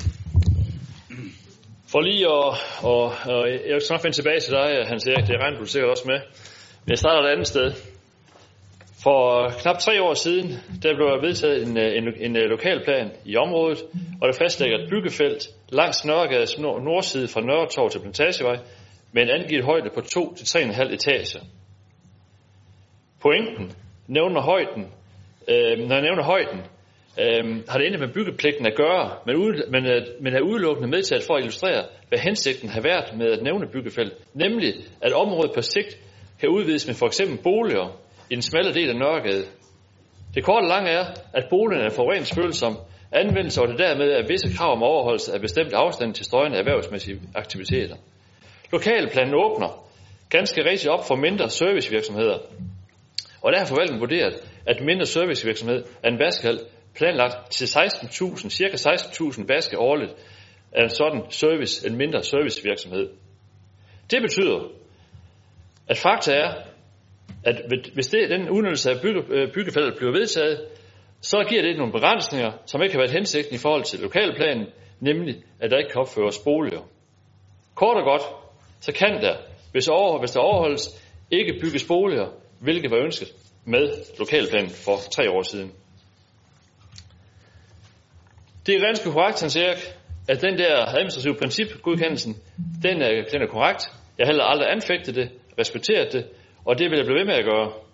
Men stadigvæk, set i forhold til netop det, der sker, i forhold til by- og områdefornyelsen i Bramminge, så synes jeg, det er meget forkert. Og jeg tror, at Henrik Ravn kommer ind på det senere. Så vil jeg godt lige vende tilbage til dig, lidt mere tydeligt, Hans Erik. Der har været en artikel i avisen, øhm, som du øh, er stået, øh, du er ikke forfatter til, men du er i hvert fald udtalt til avisen. Øhm, du har du har indtil i dag været min, min, øh, min tidligere ven. Du er stadigvæk min ven, kære ven.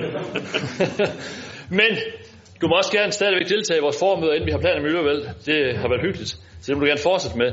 Men det, der står i avisen, der er to ting, jeg vil anfægte. Du, du udtaler, det er ren sovnepolitik. Det er jeg ikke enig med dig i. Det er en gratis omgang. Vi er stillet i udsigt, at vi måske personligt bliver godt til erstatningsberettiget, hvis vi stemmer imod forvaltningens indstilling. Det er den gratis omgang, som måske koster os penge. Det synes jeg ikke er en gratis omgang. Og rent sovnepolitik, han siger, lokalt kendskab er kun en fordel. Det er jeg også sikker på, at du kender for Østerbyen. Men selvfølgelig er jeg også en lokal politiker for hele Esbjerg Kommune. Jeg har kun meget sjældent vægtet lokale særinteresser, ej heller rejst mig op i byrådssagen for at fremme eller kommentere lokale beslutninger, for eksempel i Dambramming-området. I hvert fald ikke mere end andre områder. For eksempel kommenterede jeg beslutningen om Darm Børneby. Det gjorde jeg med god samvittighed, men kun fordi jeg gerne så, at modellen blev udbredt til andre steder i kommunen. Kampen mod vaskehallen i Bramming er også en kamp for at vise, at vi er en politisk ledet kommune. Derfor skal vi også påtage os vores ansvar. Det tager jeg. Det er åbenlyst forkert at placere en vaskehal midt i Bramming by. Kunne man forestille sig, at noget lignende ville ske i Ribe eller Esbjerg? Nej. Derfor håber jeg, at et flertal i byrådet stemmer nej til en vaskehal midt i Bramming by, men meget gerne et andet sted i byen. Jeg kan derfor ikke stemme OK til indstillingen. Tak for ordet. Der var lige en lille finte der til sidst. Tak for det, Carsten. Så er det Henrik Andersen. Ja, tak. Som folkevalgt bliver man udsat for at skulle tage stilling og træffe valg til et utal af projekter og opgaver. Dette gælder selvfølgelig, selvfølgelig også for os som byrådspolitikere i Esbjerg Kommune. I forbindelse med at træffe afgørelser er der mange forskellige hensyn, der spiller ind for den enkelte i forhold til at træffe en beslutning. Men fælles for alle gælder, at lovgivningen skal overholdes, lige så vel som allerede vedtagende planer skal accepteres. Ansøgningen, som vi her behandler, er, som vi kan se, sendt til forvaltningen i januar 2016. I juni 2015, altså kun et halvt år før ansøgningen er modtaget, er den lokalplan, som gælder for området herunder, også det private grundstykke, hvor der i dag er et tankanlæg og en eventuel vaskehal skal placeres, vedtaget af et enigt byråd, hvor de 19 af medlemmerne også sidder her i aften. Udarbejdelsen af lokalplanen gik ikke dengang ubemærket hen i Brammingen. I høringsperioden indkom der bemærkninger og indsigelser fra borgere og forretningsdrivende, som medførte så store ændringer, at plan- og miljøudvalget besluttede at sende planforslagene i ekstra 14 dages høring, så det er i høj grad en lokalplan, der præger borgernes interesser og indflydelse for området. Vedtagende kommuneplaner og lokalplaner er jo de redskaber, både vi som politikere og forvaltningen har til at styre og udvikle et givet område. Ansøgningen her vurderes af forvaltningen at være i overensstemmelse med gældende planer, ligesom miljøkrav er overholdt, og det er den tilbagemelding ansøger får og er betragtet som et forhåndsaccept. Hvis ikke virksomheder og borgere kan agere ud fra en kun halv år gammel lokalplan, står det skidt til for os i Esbjerg Kommune. Og så er jeg bange for, at vi kan glemme alt om vores visioner om at tiltrække nye virksomheder og borgere. For den risiko er der ingen, som vil løbe, at de ikke kan stole på halvår gamle lokalplaner og tilsavn, de får fra kommunen. Sidste år blev der vedtaget et byfornyelsesprogram for Bramming. Et program, som er udarbejdet i tæt samarbejde med foreninger og borgere i Bramming. Samtidig med de mange forslag om ønsker og projekter, er der også sat ord på ejerskab og råderet. Om den private grund, vi her taler om, står der blandt andet på side 17 og 23 i afsnittet om barriere og udfordringer. Jeg citerer, Parkeringspladsen ud med Plantagevej ejes af Coop, og mulighederne for ny indretning og anden udnyttelse af denne afhænger således fuldstændig af deres indstilling. Det vil ligeledes være en udfordring at finde investorer, der vil udnytte byggefelterne. Citat slut. Med det en mente synes jeg, at man skal være godt tilfreds med, at nogle kan få lov og vil investere på grunden her, som nærmest nabo til et tankanlæg. Jeg kan følge forvaltningens indstilling og håber også mange andre i byrådsalen kan det. Tak. Henrik Valø. Ja, tak. Undskyld. Øh, det er, som der er sagt af flere i dag, eller i hvert fald antydet, øh, ikke nogen nem sag den her. Det er der noget, der tyder på. Der er også en vældig talelyst. Øh, men øh, det er jo en sag, der rent lovgivningsmæssigt ikke er noget til hinder for, at den gennemføres. Og Esbjerg Kommunes sagsbehandler har der også helt tilbage i januar 16 øh, nøjagtigt sagt det, som øh, Henrik har over lige sagt, nemlig at kommunen vil se positivt på en ansøgning om etablering af vaskehal, som viste på, som vist på tiltagende kortbilag, citat slut. Og det, så også, det vurderes også senere i et notat og et tilbagesvar, at svaret kan have givet ansøgeren en berettiget forventning om, at byggeansøgningen vil blive imødekommet. Altså svaret kunne have karakter af en forhåndsaccept. Så set med de briller, så er der lovgivningsmæssigt intet til hinder for, at vaskehallen bygget, bygges. Og det var nogenlunde det, han siger, han også øh, stod og sagde. Når det så er sagt, så er der til synlædende jo en massiv modstand fra lokalrådet i Bramming, Bramming Handels, Håndværks- og Industriforening, Bramming Byforum og ikke mindst borgerne i Bramming. Og så tænker jeg, hvorfor så etablere vaskehandel lige der? Det må være muligt på fornuftig vis ved dialog og forhandling at tale sig frem til en anden og mere fornuftig placering. Jeg ved, og kan jo både høre og det I siger, at dialog tidligere forsøgt med uden held. Så må nogle andre prøve i min verden. Det må være den almindelige sunde fornuft, der skal råde her. Og øh, jeg synes også, det er værd at bemærke sig, hvad øh, Carsten Deinbol sagde tidligere, at vi er en politisk ledet organisation. Og som jeg ser det, så er der masser af andre fortrinlige placeringer i Bramming. Så borgerlisten står på borgernes side i den her sag. Jørgen Bosen Andersen.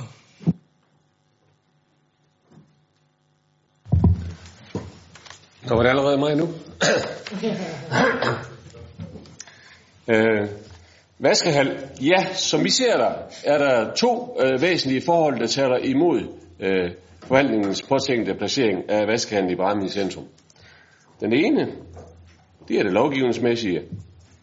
Det er kun for tre år siden lavet en lokalplan, som giver plads til boliger i to eller tre etagers øh, højde på det område, hvor vaskehallen ønskes placeret. Således at byggeriet falder i, øh, i med den gamle del af Nørregade. Det var det, Carsten Deinhul også var inde på. Når området så ifølge lokalplanen udlægges til boligområde, er det, øh, er det ifølge reglerne såkaldt forureningsfølsomt område. Det er lidt teknisk det her. Det betyder, at der skal tages særlig hensyn til, hvad der kan bygges. Her er der så en bekendtgørelse, der siger, at der skal være mindst 20 meter mellem det påtænkte nye boligområde i lokalplanen og til vaskehallens opmarsbås samt øh, pusleplads foran vaskehallen. Her er der målt op til, at der er mindre end 13-15 meter afstand til de boliger, der er gjort plads til i lokalplanen. Så problemet er sådan set ikke vaskehallens afstand, men pustepladsen foran vaskehallen. Den er for tæt på, det der er projekteret med, med lokalplanen. Man kan ikke bare se bort fra øh, muligheden for, på boliger, fordi der på området i dag er placeret en forretning. Det er Kirkens Kors her. Øh, øh, en lokalplan er en plan, der kigger fremad og fortæller borgerne, hvad byrådets plan er med området på længere sigt. Og det mener vi selvfølgelig, at man skal respektere. Så er der det politiske, det var toren. Lokalrådet, Bramming Byforum og Handelsstandsforeningen er imod den foreslåede placering og har indsendt udtalelse herom. Det har vi hørt om i aften også. Den nye områdeudvikling, som er iværksat i Bramming med syv aktive projektgrupper blandt øh, byens borgere, de er også imod projektet, altså Bramming Byforum. Jeg selv forvaltningen synes, at det på en måde er en ærgerlig sag, der burde have øh, haft en anden udgang. Og politisk synes hele plan- og miljøudvalget, det vil i hvert fald udtale i Jyske Vestkysten, at det er forkert at placere hallen her, når der er så udtalt lokal modstand. Man har forsøgt at ændre beslutningen med ejer, og det har forvaltningen gjort ihærdige forsøg på, men desværre uden held. Det er også peget på alternative placeringsmuligheder for vaskehallerne andre steder i Bramming. Det er selvfølgelig vigtigt, at øh, vi som ansvarlige politikere, det, det er sådan noget, det er vi nødt til at reagere på. Øh, Hans Erik, øh, du kaldte det, øh, det har andre også nævnt, det er nedværdigende, øh, det, øh, det, øh, det kalder det, det nedværdigende, du kaldte det sovnerådspolitik, vi udførte her. Til det kan jeg sige, at jeg principielt er imod, at vi i byrådet hver især banker hinanden i hovedet med særinteresser. Men en gang imellem er det nødvendigt, at lokaler træder sammen og aktivt kæmper for at få en sag, som andre, øh, for, for en sag, som andre ikke kan få øje på. Akkurat som dengang de lokale i Hilrup kæmpede for lukning af en jernbaneoverskæring, ansvarlige politikere bakkede op, og i dag er der placeret en mindestilling for dem, der gjorde en indsats. Jeg mindes også en sag, hvor et flertal i Bramming Byråd besluttede at fjerne Brammings ældste bolig, en bevaringsværdig lægebolig. I dag, 15 år efter, ligger den stadig som en skræmmende byggetom midt i Bramming. Hvis vi som ansvarlige politikere ikke kan gå aktivt ind i en sag, som vi kæmper for, så hører alting op. Derfor siger vi i SF et rungende nej til opførelse af en vaskehal i Bramming øh, centrum. Vi, vi vælger i stedet at respektere lokale interesser og de nylige vedsatte lokalplan. Tak for det. Henning Ravn. Der er næsten lige så mange taler her, som det var omkring budgettet. Der er flere. De taler, som der var omkring budgettet, dem tog kort tid på. Der kan I få bagefter, hvis I vil have det. Jeg skal forsøge at gøre min lidt kortere. Der skal ikke være tvivl om, at øh, jeg bakker fuldstændig op om, min, øh, om de to byrådskollegaer, som er imod øh, den her vaskehals placering. De to fra Plan- og Miljøudvalget. De kommer med nogle faktuelle ting, som jeg helt er enig i. De og andre, som er imod den her ansøgte placering, er også helt på linje med det valgte lokalråd i Bramming, det nedsatte byforum og hele Handels- og Håndværkerforeningen. Det er jo ikke fordi, at øh, der er foretaget de store kommunale investeringer i Bramming kommunesammenlægningen. Og det er til trods for, at det nok er den by i kommunen, der har flest tilflyttere. Det vagte derfor stor tilfredshed, da der for et par år siden lykkedes at skaffe et betragteligt, primært statsligt millionbeløb til by- og områdefornyelse. Ros til forvaltningen, fordi de gjorde en stor indsats for det. Der er også efterfølgende sket en rigtig flot renovering af nogle gamle, flotte villaer. Efterfølgende blev der i byforregi nedsat et antal arbejdsgrupper med engagerede borgere, som skulle arbejde med de her by- og områdefornyelsesplaner. Masser af gode idéer og input så dagens lys. Og hvad sker der så? Ja, pludselig her i foråret, så kom det jo frem, at det hele to år tidligere på en forespørgsel administrativt blev svaret, at kommunen ville se positivt på en ansøgning om at bygge en vaskehal midt i byen. Jeg tror, der var mange, der følte, det var en spand koldt vand i hovedet. Og det er jo det her svar, som vi nu juridisk får at vide, at det er en begunstig, begunstiget forvaltningssag.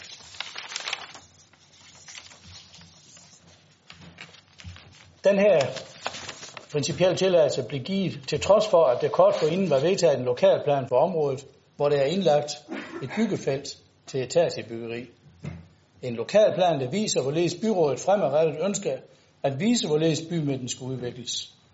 En lokalplan, hvor det nu, som følger afstandskravene til den eventuelle vaskehal, ikke mere vil være muligt at bygge, dette, bygge i dette byggefelt. Altså er vaskehallen efter min opfattelse ikke forenlig med lokalplanens hensigter. Lokalplanen skal ikke forholde sig til, hvordan det ser ud i dag. Lokalplanen skal forholde sig til, hvordan det skal se ud fremadrettet.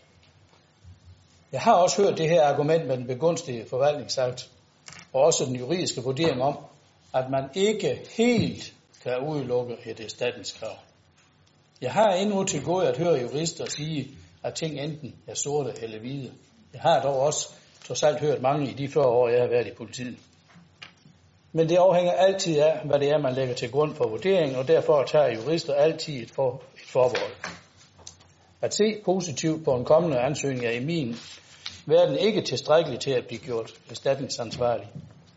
Spørger man andre jurister, er der også delte meninger om. Så hørte jeg her for nylig på byrådets workshop for Vision 2025 flere siger, at det nu må der være Bremmingstur til at blive tilgodeset. Jeg tror faktisk ikke, Bremming ønsker at blive tilgodeset med en vaskehal midt i byen. Ellers tak. Den kan de bygge et andet sted. Der er masser af muligheder. Og man skal jo alligevel starte bilen, når man skal hen for at vaske den. Så jeg kan kun opfordre byrådet til at stemme nej til den indstilling, der er her. Det bliver det i hvert fald for mig. Og jeg kan lige så godt sige helt ærligt, jeg er overhovedet ikke bange for det erstatningskrav. Tak. Tak for det, Susanne Dyrborg. Ja, der er jo sagt meget i den her sag om bindende forhåndstilsavn, paragraf 14, forbud, principgodkendelse osv.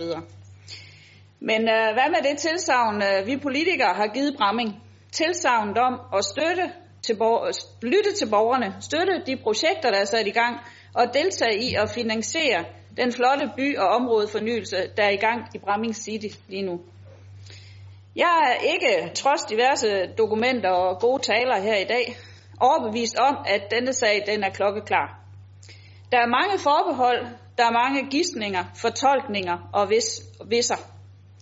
Jeg er til gengæld helt overbevist om, at det er en etisk og moralsk fejl at placere den vaskehal midt i byen. Det er ikke ok, og det står der faktisk. Det er ikke for at efterligne dig, Karsten. Jeg synes selv, den var ret god. Så jeg fastholder derfor min holdning og stemmer imod resten af min gruppe og direktionens indstilling. Det bliver et nej fra mig. Alex Sørensen. Ja, tak. Der er sagt rigtig meget. Og øh, Henning han sagde faktisk rigtig mange ting, og Carsten også, som jeg kan bakke op om. Den sag, den har haft en lidt øh, uheldig øh, gang i systemet. Øh, jeg har stor ros til forvaltningen. Der er vendt rigtig mange muligheder, undersøgt mange ting, og der er heller ikke lavet noget som helst forkert i forvaltningen. Men normalt, øh, især i teknik- og byggeudvalg, hvor vi sidder, der har vi meget samarbejde med lokalrådene. Og normalt så er det lokalrådene, der er kommunens samarbejde med de lokale byer, landsbyer og lokalområder. Og det er dem, der er talerør for de enkelte lokalsamfund. Og der så både øh, Byforum Bramming, Handels Håndværker og, og Industriforeningen samt Bramming Lokalråd har væsentlige indvendinger mod det her projekt. Så har jeg samtidig valgt at vægte de indvendinger og kommentarer fra disse parter meget højt.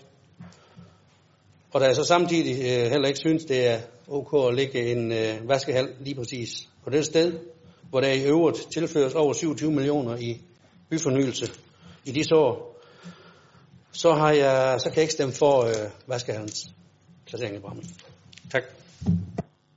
Anne-Marie Geisel Andersen. Jeg synes også, det har været en svær sag. Jeg synes ikke, den nødvendigvis er blevet lettere af indlæg, som for eksempel uh, Susanne Dyrborgs. Men jeg synes, Henrik Andersen sagde det rigtig fint. Fordi ja, vi er en politisk bedre organisation. Øhm, og så vidt jeg har forstået, har vi vedtaget nogle rammer, som ikke er til hinder for en vaskehal. Som Hans K. Sønderby tager jeg heller ikke stilling til en konkrete vaskehal. Men jeg mener derimod, at problemstillingen det er, hvorvidt man skal kunne have tillid til kommunens udmeldinger. Det er super ærgerligt, at vi ikke kan efterkomme borgernes ønsker, men det mener jeg ikke, at vi kan i den her sag. For alle skal kunne have tillid til kommunens udmeldinger og afgørelser. Det gælder såvel borgere som virksomheder. Og derfor stemmer vi i Radikale Venstre for indstillingen. Sara Møris. Ja, det er meget imponerende, så meget opmærksomhed sådan en vaskehal kan få. Øhm, og det, det, det, der faktisk imponerer mig mest, det er så mange øh, fra Venstre, der tager ordet. Det kunne man måske ønske sig til andre sager også, men øh, det kan I så tænke over til en anden god gang. Øhm, og jeg er faktisk lidt i tvivl, om jeg overhovedet tør stikke, øh, stikke næsen frem i den her sag, fordi at jeg, jeg har jo ikke noget med at gøre ellers normalt. Øhm, men øhm, i forhold til, at øh, det som Hans Erik Møller starter med at sige, at øh, alle skal have en færre behandling af kommunen, det er jeg fuldstændig enig i. Det er bare ikke det samme som, at man skal have ret. Tro mig, det kender jeg jo nemlig alt til. øhm, og når der så i øvrigt så ikke er nogen borgere, hverken dem i lokalrådene, som vi normalt samarbejder med, byforum, erhvervsliv, der ønsker den her vaskehal, så kan jeg simpelthen ikke se, hvor vi, hvorfor vi skal lægge en vaskehal ind midt i byen på en gade, hvor vi bruger penge på at byforny. Så hvis ikke I har gættet det, så stemmer enhedslisten imod indstillingen. Tak for det, og øh, opfordringen den er modtaget. Øh, men vi har nu brugt en del tid på den her sag, så jeg tror ikke, vi behøver ret mange flere indlæg, vil jeg sige. Peter Tørnqvist for har bedt om ordet. Det er også bare mere for, at det ikke skal komme som en overraskelse, for vi stemmer. Øh, jeg har lige stået og snakket i mit indlæg om, at vi skal have attraktive boliger i hele kommunen, i alle byer. Øh, der er så nogen, der mener, at man skal berige Brømming med en vaskehal. Øh, jeg har gjort med en lejlighed, jeg har været hen og kigge på området. Jeg har rundt og talt med folk, der bor der. Jeg har kørt rundt og kigge på alternativer, blandt andet lægge om i hovedgaden, hvor der sagtens skulle ligge en vaskehal. Og ellers så kan jeg sågar tilslutte med enhedslisten. Det kan man skulle komme der så. og øh, vi stemmer også imod placeringen af vaskehallen i Bramming. Det var bare det. Hans Erik Møller. Ja tak, jeg bliver næsten nødt til lige at kommentere lidt af, nogle af alle de ting, der er sagt. Jeg vil godt lige starte med at sige uh, det om, uh, der skal være boliger, eller der skal være vaskehal uh, på det pågældende sted i forhold til lokalplanen. Der er det jo sådan, at det er jo hovedsageligt ejeren, der afgør det. Ejeren af grunden, som for øvrigt vil have vaskehallen på grunden. Så der ved vedkommende vist nok godt det der med boligerne. Og når man kommer ind til Esbjerg Kommune, man får undersøgt, man kommer og spørger, og det hele er efter lokalplanen, og der skal ikke give nogen dispensation, skal ikke behandles politisk, så skal man kunne stole på det. det jeg, jeg forstår simpelthen overhovedet ikke, øh, at, at man kan være i tvivl om det. Og jeg vil også godt sige, og det er nemlig rigtigt, Henrik, at øh, dialog, det vil være rigtig godt.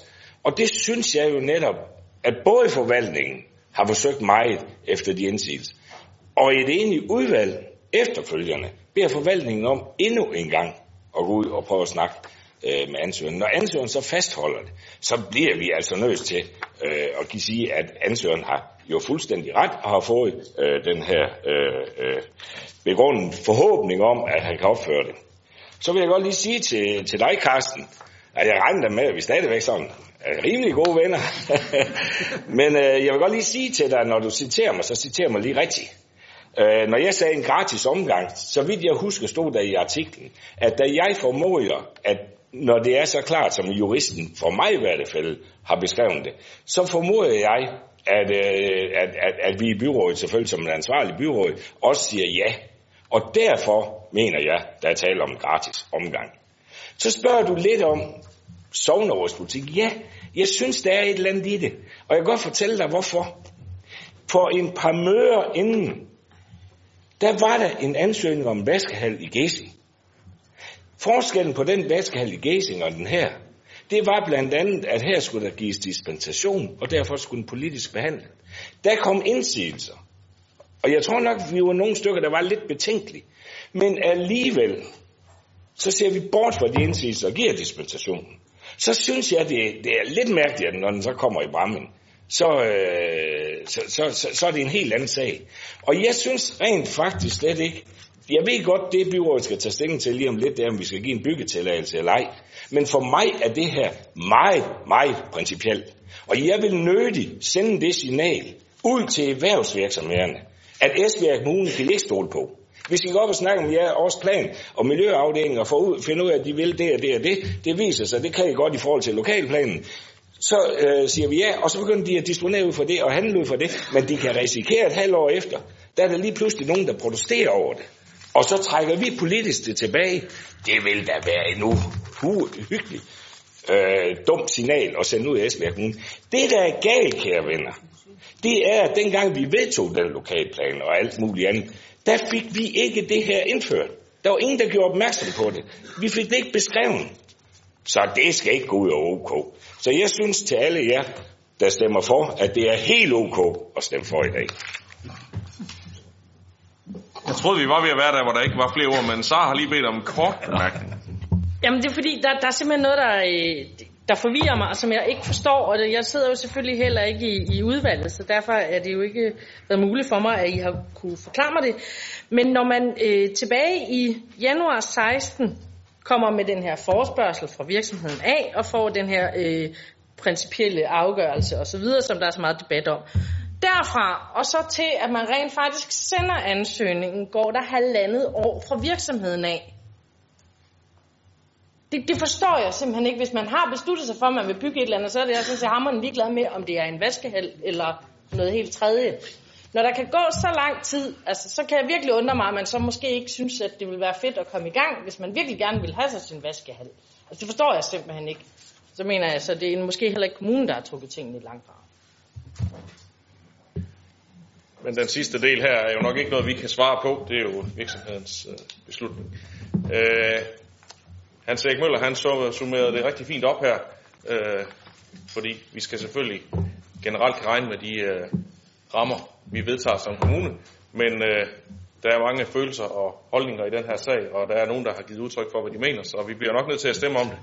Øh, og øh, da det er øh, Hans Erik, der har begæret sagen i byrådet øh, for, at øh, jeg hører, du mener, at vi skal følge forvaltningens indstilling om at give en byggetilladelse, så vil jeg dermed spørge, hvem der kan følge forvaltningens indstilling og give en byggetilladelse til Maskar. Og hvem stemmer imod?